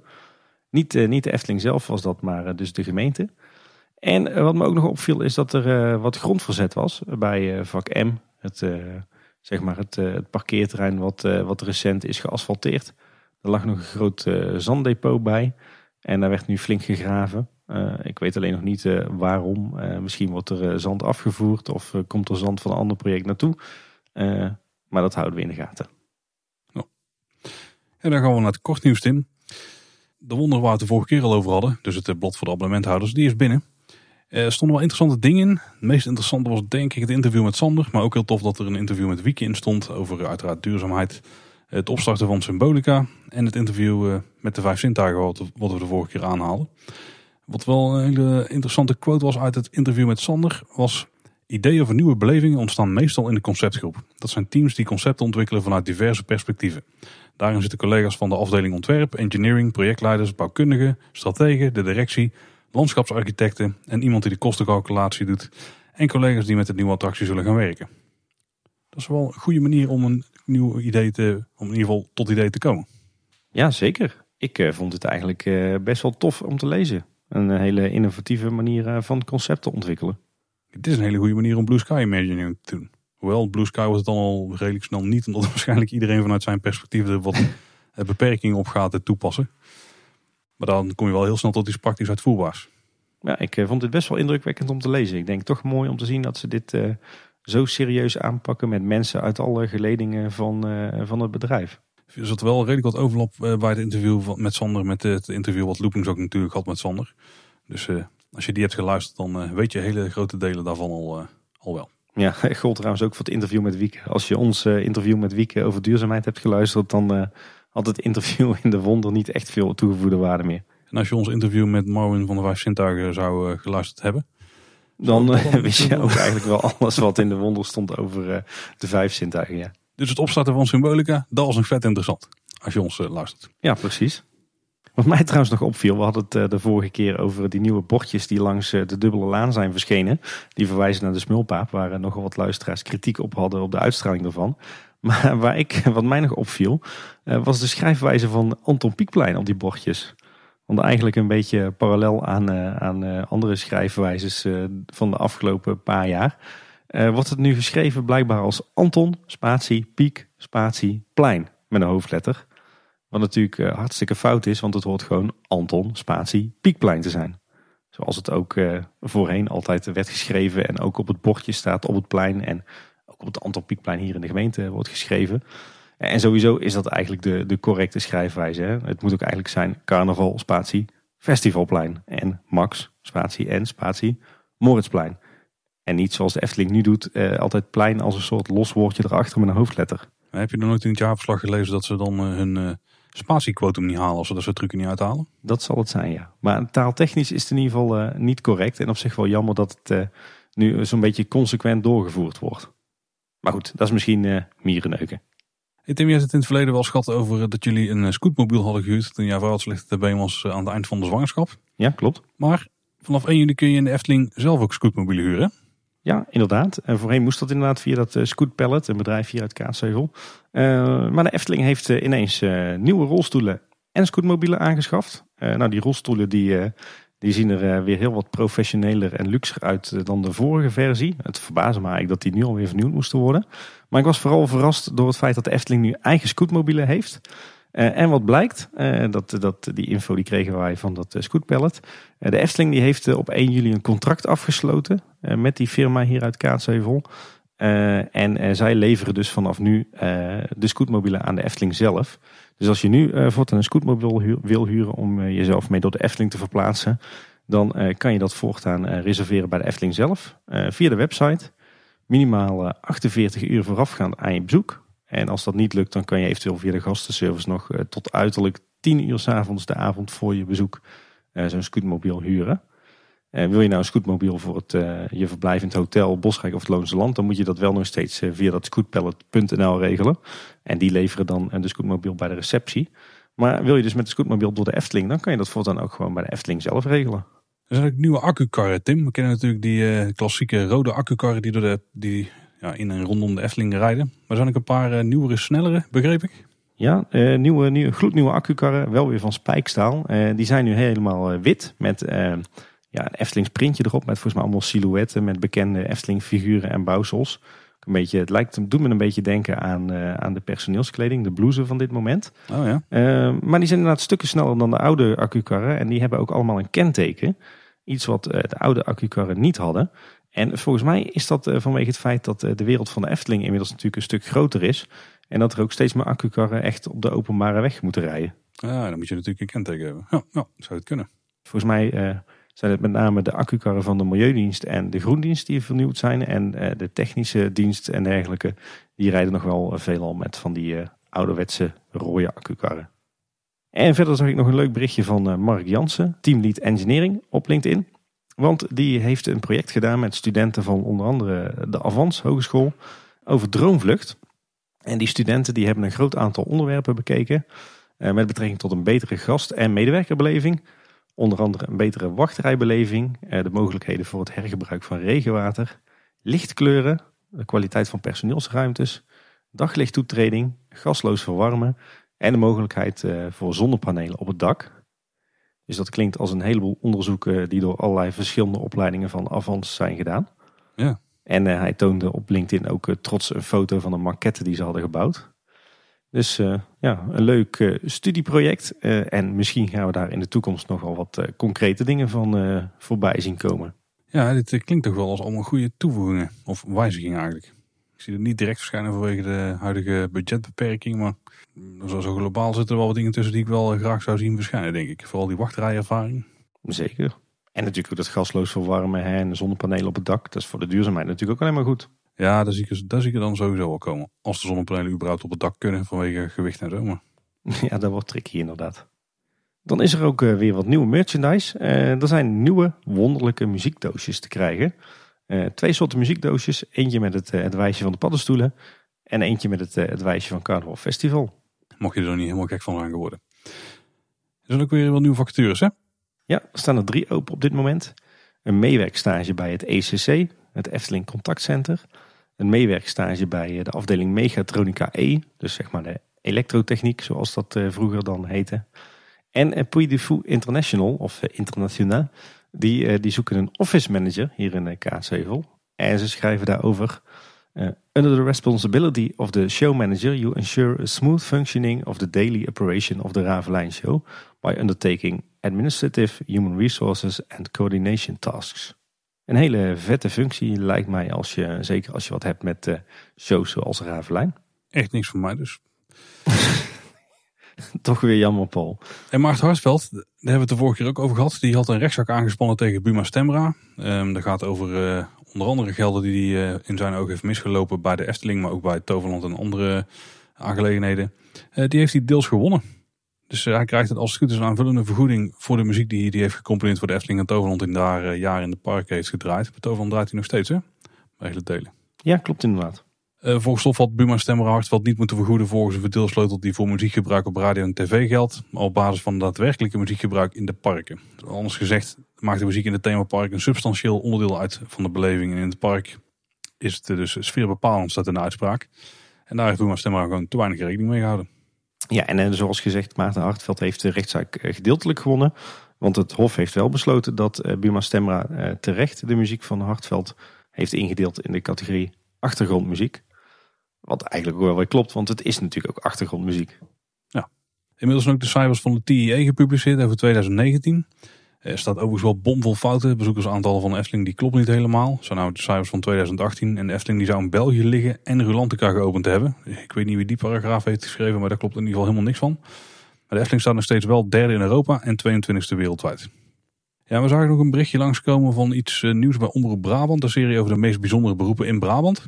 En de eerste aflevering die zou wel eens een aflevering met Sander de Bruin kunnen zijn. Hè? Daar werd wel heel erg naar gehint. Het ging over de achtbaanontwerper van Baron 1898. Dat vond ik een wonderlijke. Ik denk, krijgen we nou de firma Bolliger en Mabiaar aan het woord. Maar waarschijnlijk bedoelen ze Sander.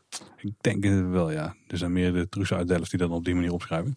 Ja, precies. Of de, de Trussen uit, de Trussen uit Rosmalen in dit geval dan, hè? Ja, verder had Loopings nog een leuk artikel over het feit dat het dat Waterorgel nu exact tien jaar dicht is. Uh, ja, verder op zich niet heel veel spannend in dat artikel, behalve een, een klein interview met Friso Geerlings van Eftepedia. Maar wat wel interessant was, is dat de Efteling nog om reactie is gevraagd. En ze zeiden, het waterorgel is nog niet definitief afgeschreven, maar er zijn in ieder geval geen plannen op de korte termijn. Dus dat uh, geeft de burger, of liever gezegd de, de Efteling-liefhebber toch nog een klein beetje moed. Wat betreft een uh, ja. eventuele terugkeer ooit, op een manier. Dit is wel de deur echt op het meest minimale keertje ooit openzetten. Maar toch, er komt een streepje lichter naar buiten. Precies. Uh, zo, nou Tim, de Efteling die plaatst nog wel eens wat berichten op het blog. En die zijn heel vaak best interessant. Maar afgelopen week zijn er toch wel een paar hele bijzondere op het blog verschenen. Volgens mij was de LSD in de aanbieding in personeelsrestaurant. ja, de brainstorm sessie die daar vooral was gegaan, die was best interessant denk ik. Eh, de eerste die, die, ja, die, die was nog wel eh, aardig. Daar eh, gingen ze in op typisch Nederlandse gebruik en lekkernij die je in de Efteling zou kunnen ervaren. Ja, die was inderdaad nog wel oké. alhoewel ik wel zoiets had van, wat is, hier, wat is hier nou de aanleiding van en wat, bedoelen, wat hopen jullie hier nou precies mee te, te bereiken? Nou, de aanleiding was eh, dat er nieuwe content op het blog moest komen, denk ik. Ja. Maar het tweede artikel wat ik zelf nog veel bizarder vond, was op wereldreis in de Efteling. Waarbij ze zeggen, een dagje Efteling voelt alsof je een verre reis hebt gemaakt. Van attracties en sprookjes en oosterse sferen tot een boottocht langs Inca-beelden. En vergeet ook de oer-Hollandse landschappen niet. Eh, nou is het alleen zo dat ze daarbij dus voorbeelden aanhalen als eh Vogelrok. Wat natuurlijk een zeer realistische interpretatie is van eh, de oosterse landen. Of eh, bijvoorbeeld eh, nou, op bezoek bij het volk van Laaf. Want hè, Ja, dat heeft echt wat met een wereldreis te maken. kan Ja, ook op, op vakantie naar Laaf, denk ik. precies. Of eh, je kunt bijvoorbeeld eh, de dierenwereld van Fabula verkennen. Wat ook een heel bekend werelddeel is natuurlijk. Ja, allemaal. Of, of je kunt ook eh, op reis gaan door Droomvlucht. Want dat is ook zeer representatief voor delen van de wereld, blijkbaar. nou, wat samen. ik snap er helemaal niks van van dit artikel. Maar dat was weer content, dus nou, mooi. Toch, denk ik? Dus jij Ik was content. niet. Mm, goeie woordgrap, maar nee. Als we, als we het dan overigens toch over waardeloze dingen hebben, dan moeten we ook nog even melden dat eh, de Diamond Theme Park Awards weer zijn uitgereikt eh, in, van 2020. Het valt me overigens op dat er eh, normaal gesproken zo'n beetje alle parken enorm uitpakten met dat nieuws. En, en zichzelf enorm fetteerden met het feit dat ze zo'n award hadden gewonnen. Maar dit jaar was er eigenlijk verrassend weinig aandacht voor. En er waren zelfs parkgroepen die, die het zelfs totaal boycotten. Ik geloof dat Plopsaat bijvoorbeeld geboycott heeft. Ik zie in ons draaiboek zie ik nu het resultaat staan richting de Efteling. Maar het is het eerste wat ik ervan heb gelezen. Nee, dat is goede, goede research. ja, zeker. En een aantal prijzen die de Efteling in de wacht heeft gesleept, maar ik weet niet of dit het complete eh, eh, lijstje is, maar dit was wat ik ervan kon vinden. Is, de Efteling is eh, het meest populaire park van de Benelux en het op één na beste park van Europa. Mag jij raden wat er op, wat er op één stond? Dat zal nog steeds Europa Park zijn, denk ik. Ja, tuurlijk. Ik snap er niks van, maar goed. Waar ik ook niet zoveel van snap is dat eh, de Vliegende Hollander is verkozen tot beste attractie van de Benelux. En Droomvlucht was derde in die verkiezing. Oké. Wat ik op zich wel snapte is dat de Efteling eh, verkozen is tot het park met het beste personeel. Maar dat was een gedeelde eerste plek samen met Toverland. Polles Keuken eh, was het op één na beste restaurant. Dat is volgens mij de Fleming verder op één in Toverland. Oké. De Winter Efteling het beste evenement. En eh, de beste overnachting van Europa was Bosrijk. Maar dat was ook weer een gedeelde eerste plek met het Bell Rock Hotel van Europa Park. Ah, ja. Oké. Nou, zullen we gaan verder gaan? Ja, doe maar. Er is ook een nieuwe actie. De Efteling heeft eh, samen met eh Cartent, die maken kartonnen tenten, vooral op festivals en zo, hebben ze een Efteling creatie actie. Je mag, als, je, als je wint, mag je met je familie gratis een dagje naar de Efteling. Ah, oké, oké. Met- Maar dan mag je dan zelf je reserveringsslot bepalen. Ja, dat denk ik. Eh, want het idee is dat je daar eh, je papierbak induikt en daar papier tevoorschijn tovert en een eh, creatieve ja, kartonnen creatie gaat maken. Die levensecht zou moeten lijken en iets met de Efteling te maken moeten hebben. Maar die ontwerp wordt ook echt uitgewerkt en dan in de webshop van Cartent opgenomen. En de opbrengsten daarvan zouden dan naar een goed doel gaan. Ja, en ik moet zeggen, ik kon er in eerste instantie niks bij voorstellen. Ik kende dat kartent ook niet. Maar op de blogpagina van de Efteling heb je best wel wat voorbeelden. Eh, met, met wat fotootjes van een aantal van die kartonnen creaties. En ik moet zeggen dat ik er toch best wel eh, indrukwekkende eh, creaties tussen vond zitten. Ja, die waren ook niet allemaal, denk ik, echt. Er zaten wel wat 3D-renders tussen. Overigens zeg ik net dat uh, Cartent dan kartonnen tenten maakt. Dat is wel iets te kort door de bocht. Die maken van kartonmateriaal waar ze dan tenten van maken. Die ook gewoon waterdicht zijn en winddicht. En waar je prima een weekendje op een festival in kunt verblijven. En die recyclers naar de rand ook weer. Kijk, Dat duurzame aspect daarvan, dat sprak de Efteling wel aan om... en was uiteindelijk een reden om die eh, samenwerking aan te gaan. ja, bijzonder. Het verklaart overigens wel het, eh, de, de berichten die we de afgelopen weken kregen. Dat mensen, eh, ehm, eh, bezoekers met eh, een hoop kartonnen rommel door het park zagen lopen. Met fotografen achter ze aan. Dat was natuurlijk voor eh, de foto's bij dit blogartikel. Ah ja, er zat ook onder andere die Max en Moritz zeepjes bij. Maar die heb ik dan weer niet terug zien komen, toch? Die zat, jawel, die zat ook op die pagina. Oh, dan heb ik dit, ik heb het blog half genegeerd, denk ik, na die laatste paar berichten. En dan nog dit, Tim. Ja, en dan nog dit. eh, onze, onze, zo'n beetje onze laatste categorie van vandaag. Eh, ja, eh, een klein nieuwtje. De N261, de weg van Tilburg naar Waalwijk, die was eh, vorig weekend ineens een, een nachtje dicht. En ze hebben ter hoogte van de Python een klein stukje nieuw asfalt aangebracht. En ik vermoed dat ze daar weer druk aan het graven zijn geweest voor allerlei nieuwe gasleidingen in verband met de gaswinning die ze willen gaan opvoeren in dit gebied. Uh, wat mij verder nog opviel, uh, is een hele toffe foto uit Disneyland Parijs. daar zijn ze bezig met het Fantasyland Repaving Project. Waarbij dat ze die, die typische betonverhardingen waar Disneyland Parijs vroeger mee vol lag, aan het vervangen zijn door, door vrij straatwerk. En in Fantasyland, daar, daar, zijn ze nu, daar vervangen ze het beton nu door kinderkopjes in allerlei mooie authentieke kleuren. En ook met allerlei schitterende legpatronen van die waaierpatroontjes. En ik moet zeggen, dat ziet er bijzonder fraai uit. En wat mij betreft uh, mogen dat soort uh, kinderkopjes uh, in dat soort patronen ook wel weer wat meer in de Efteling terugkomen. Dus ik zal een linkje in de show notes zetten. En dan zie je hoe bijzonder fraai en bijna Eftelings dat dat eruit ziet. Hm. Nou, verder zei ik het al, we zijn de afgelopen weken weer in een heleboel dierentuinen, pretparken en musea geweest. Het leukste bezoekje denk ik toch wel was aan het Openluchtmuseum was alweer lang geleden dat ik daar geweest was, uh, nog voor de lockdown. En het voelde toch weer een beetje als thuiskomen. Overigens ook een heel uh, prettig sfeertje, waarschijnlijk omdat uh, de coronamaatregelen daar allemaal vrij mild waren. Maar goed, een hele toffe dag gehad, ook met de kinderen, die hadden het daar ook bijzonder goed weer naar hun zin. en voor het eerst hebben we daar gegeten in de authentieke poffertjeskraam van het Openluchtmuseum. En toen we daar zo zaten, toen viel me op dat die vrijwel identiek is aan de poffertjeskraam van de Efteling, het poffertje. Um, maar wat wil nou het geval? Die poffertjeskraam in het Openluchtmuseum, uh, die komt uit 1830. Uh, eh, dus de poffertjeskraam van de Efteling is ook echt authentiek. Uh, en nou ben ik eigenlijk wel benieuwd wat, wat de oorsprong is van de poffertjeskraam van de Efteling. Want die is eigenlijk nog maar vrij recent in de Efteling neergezet. Ik weet niet of jij zo uit je mouw kan schudden, Paul, wanneer dat gebeurd is. Oeh, nee, nee, nee. 1992. Uh, maar ik ben dus benieuwd hoe oud hij eigenlijk is. Want die leek dus verdomd veel op, uh, op uh, een originele poffertjeskraam uit 1830. Was ik best wel van hm. onder de indruk.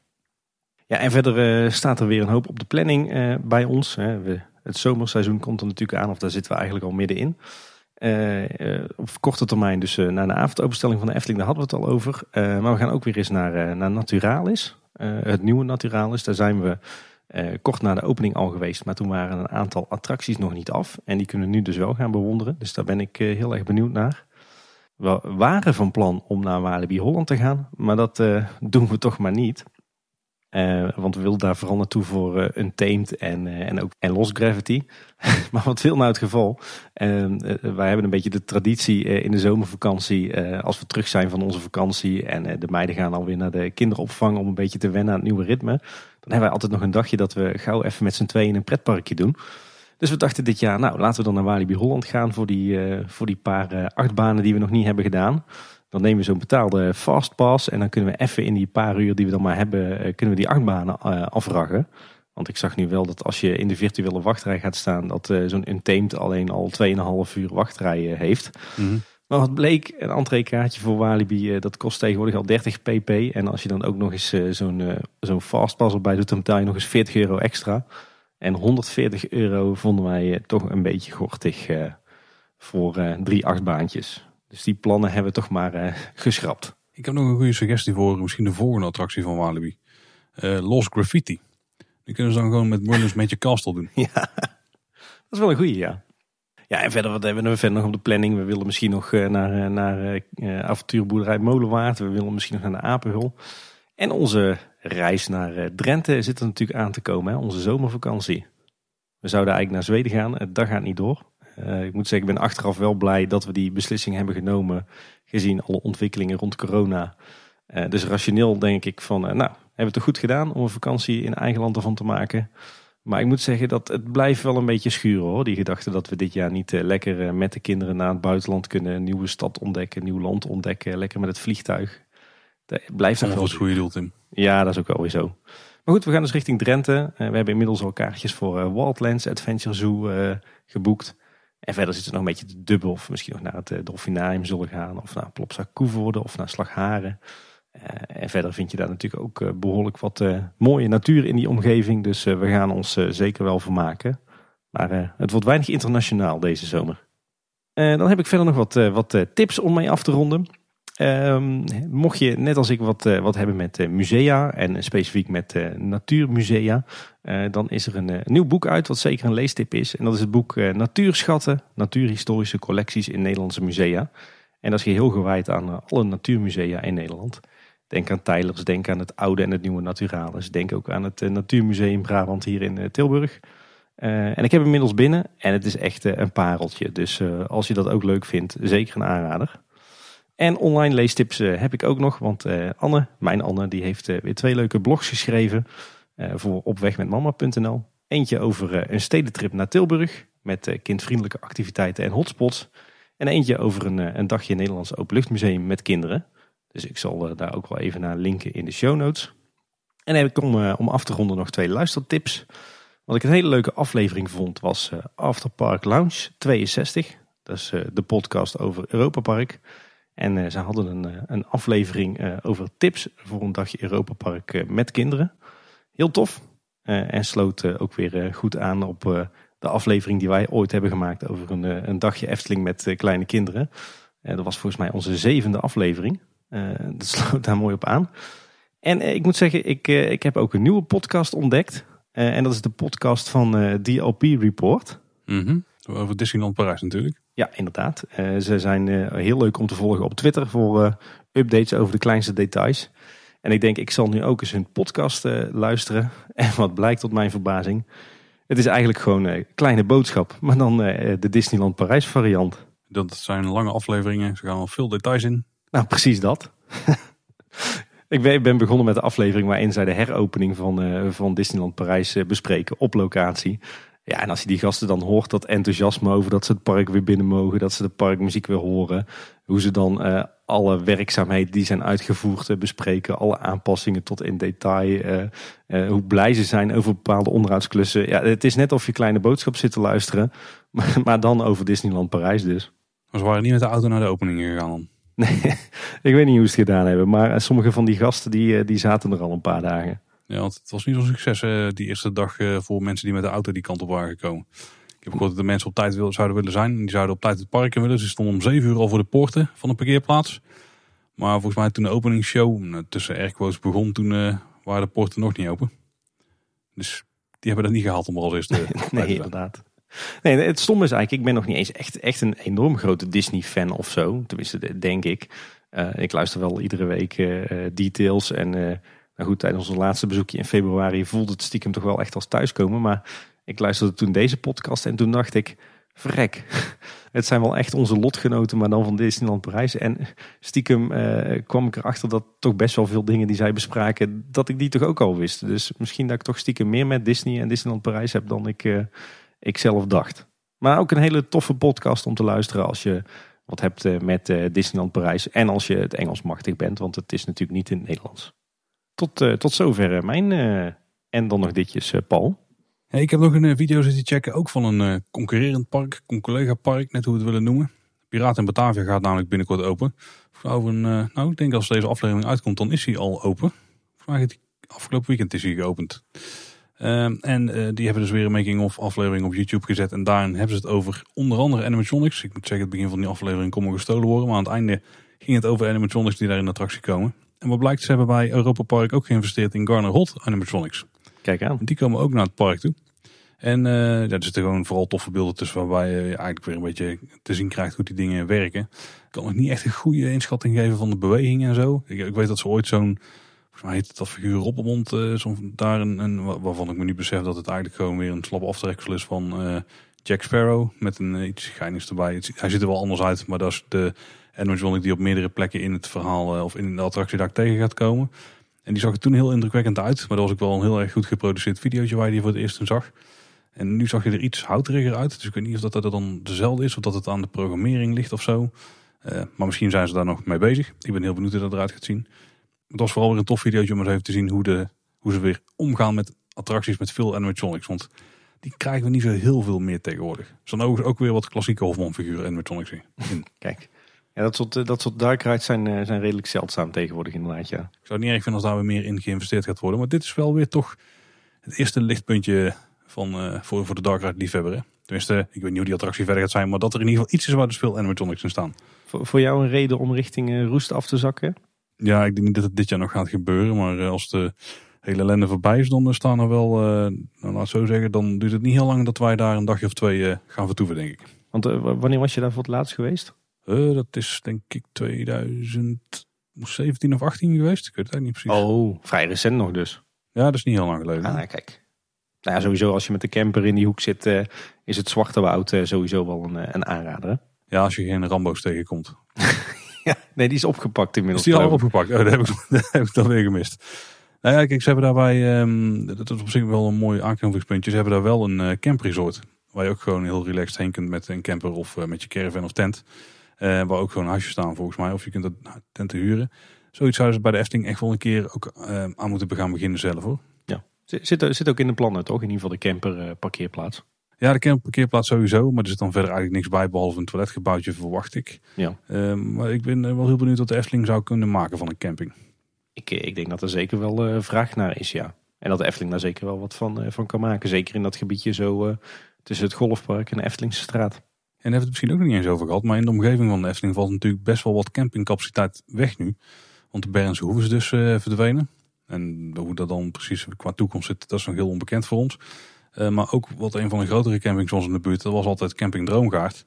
Er stonden heel veel chalets en zo, maar er waren ook gewoon velden waar je je tentje neer kon zetten of camper of caravan neer kon, uh, neer kon zetten voor een paar dagen en dan naar de Efteling gaan. Maar dat wordt, uh, ja, die is helemaal schoongeveegd en dan komen nu alleen maar nog, ja, nou het zijn in principe gewoon luxe chalets. Ja. Dus, dus dat, ja, ook daar kun je niet meer met jouw tentje of caravan terecht. Dus ja, de Efteling, er, er is sowieso een, een gat in de markt denk ik dadelijk. Ja, ja en ik, ik heb de indruk dat, dat kamperen ook wel weer aan populariteit wint. Uh, zeker nu in het coronatijdperk, maar sowieso wel. En, en ook het luxe kamperen, hè? De, de, de ingerichte safari-tenten, het glamping. Uh, ik denk dat daar echt wel markt voor is. Ja, zeker. Ja. terwijl je ziet dat eigenlijk uh, zo'n beetje alle externe initiatieven de laatste jaren, vooral op het gebied van hotels en een klein beetje B&B's zitten. En zeker niet op het gebied van camping uiteindelijk zit daar denk ik ook wel het grote geld. Maar een camping is wel, zeker voor de Efteling zelf, gewoon een heel interessante markt, denk ik. Ja. Hey, dan kunnen we gewoon nog een paar reacties van luisteraars behandelen. Ja. Zoals beginnen met een mailtje van Reden van de Putten. Die schrijft, bedankt voor de geweldige podcast. Wat zouden de lessen zijn die na Maximoord getrokken kunnen worden voor de nieuwe Circus Thema Coaster die er misschien ooit gaat komen?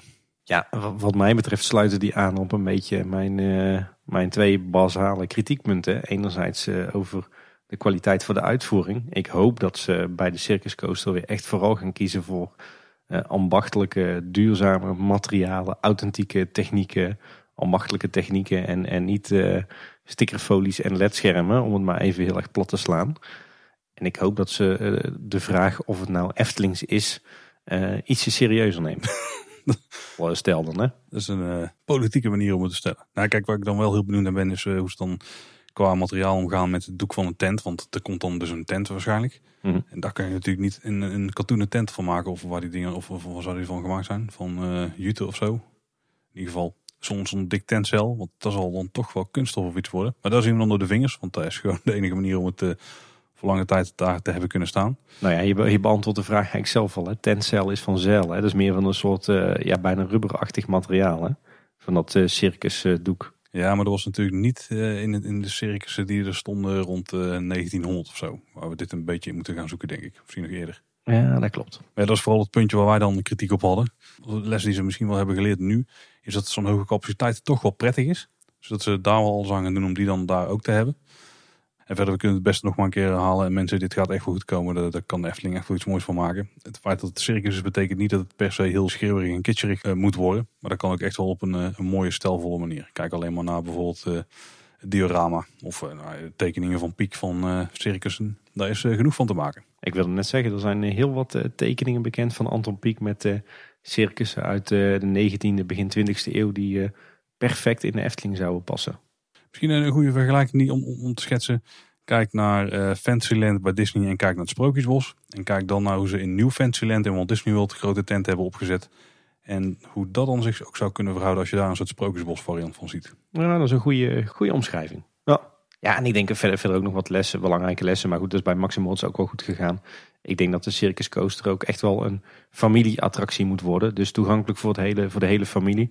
Maar ook wel interessant voor de hele familie. Dus Eh, de, de spanning, de snelheid, eh, die mag misschien eh, op een net wat hoger niveau liggen dan Max en Moritz. Misschien de allerbeste tip is zorgen dat niet ongeveer een derde voor het einde van het project er een wereldwijde pandemie uitbreekt. Als je dat ook nog kan regelen, Efteling, dan komt het helemaal goed, denk ik. Goed advies, Paul. Ik heb ook nog een berichtje van Vigo Ronkers. Die schreef, beste heren van Kleine Boodschap. Ik liep laatst door een Lego winkel en ik zag daar een Lego Disneyland staan.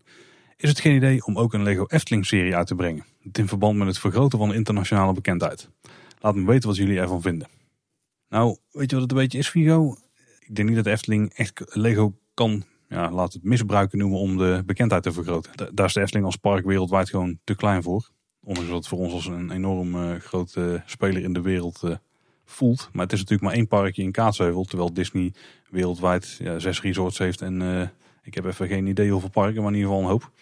Dus de naamsbekendheid van Disney is veel groter. En dat is de reden dat Lego daarmee in zee gaat. De Efteling is gewoon veel te klein voor Lego om mee in zee te gaan. Als je ziet welke series Lego uitbrengt van uh, bepaalde merken, dan zijn het altijd of grote tv-shows of filmseries of uh, IP's die echt wereldwijd bekendheid genieten. En de Efteling is daar uh, gewoon veel te klein voor, hoe tof het idee ook is. Ja, en we kregen trouwens nog een reactie van Dennis Heijmans erop. En die zegt dat het Huis van de Vijf Zintuigen al vaker is ingediend als Lego ID. Maar dat het nooit het juiste aantal stemmen heeft bereikt. En laten we ook niet vergeten dat je natuurlijk, als je gewoon een berg Lego hebt, zelf ook gewoon iets kan maken uit de Efteling. Dat zijn ook eh, best wel veel mensen die er heel fanatiek mee bezig zijn. Ja. Dus uh, wil je dat zelf een keer proberen, probeer eens gewoon een sprookje na te maken of zo. Hè? Ja, dat deed ik eh, vroeger als kind veel. Nou, dan zijn we een beetje aan het einde gekomen van de aflevering, Tim. Maar we hadden ook nog een recensie gekregen. Ja, inderdaad. Een recensie volgens mij via iTunes of Apple Podcasts, toch? Ja, via Apple Podcasts, ja. Kijk, een recensie van Rutger en die schrijft een geweldige podcast. Wat een heerlijke podcast is dit toch. De passie die Tim en Paul hebben voor de Efteling en ook andere onderwerpen is heerlijk om naar te luisteren. Respect voor de kwaliteitsvolle podcast die jullie wekelijks maken. Ik geniet er iedere keer flink van. PS, van mij zouden er veel meer afleveringen mogen verschijnen van de buitenwereld. Ik ben net zoals Tim uitjesverslaafd en hoor jullie ook graag over andere onderwerpen praten. In ieder geval bedankt voor al het moois dat jullie tot nu toe hebben gemaakt. Bedankt eh, voor je mooie woorden. Ja, moeten we nou met de microfoon naar een groentwinkel of had ik daar nou verkeerd begrepen? Nou, ik ben ook wel haring met uitjes verslaafd inderdaad. Maar ik denk niet dat dat helemaal is wat Rutger bedoelde. Zilveruitjes kan natuurlijk ook nog. Ja, dat zijn ook wel lekker. Nou, maar dat gaat goed komen. Er komt weer een buitenwereld aan eh, na de vakantie. Ja, we hebben inderdaad eh, voor dit najaar een eh, speciale corona-editie van de buitenwereld gepland. En die gaan we het, daarin gaan we het totaal niet over corona hebben. Maar wel over ja, eigenlijk de alternatieven in deze tijd. Hè? En Paul, daarin ga jij het hebben over je camperavonturen. En ik ga het hebben over mijn vijf favoriete plekken in Nederland. Hebben jullie iets om naar uit te kijken? Ergens later dit jaar dus. Wil je net als Rutger ook een review achterlaten op Apple Podcast? Kunnen we altijd heel erg waarderen, want dat helpt ook andere mensen om de podcast sneller te vinden. De komende weken uh, lekker afwisselende afleveringen van Kleine Boodschappen.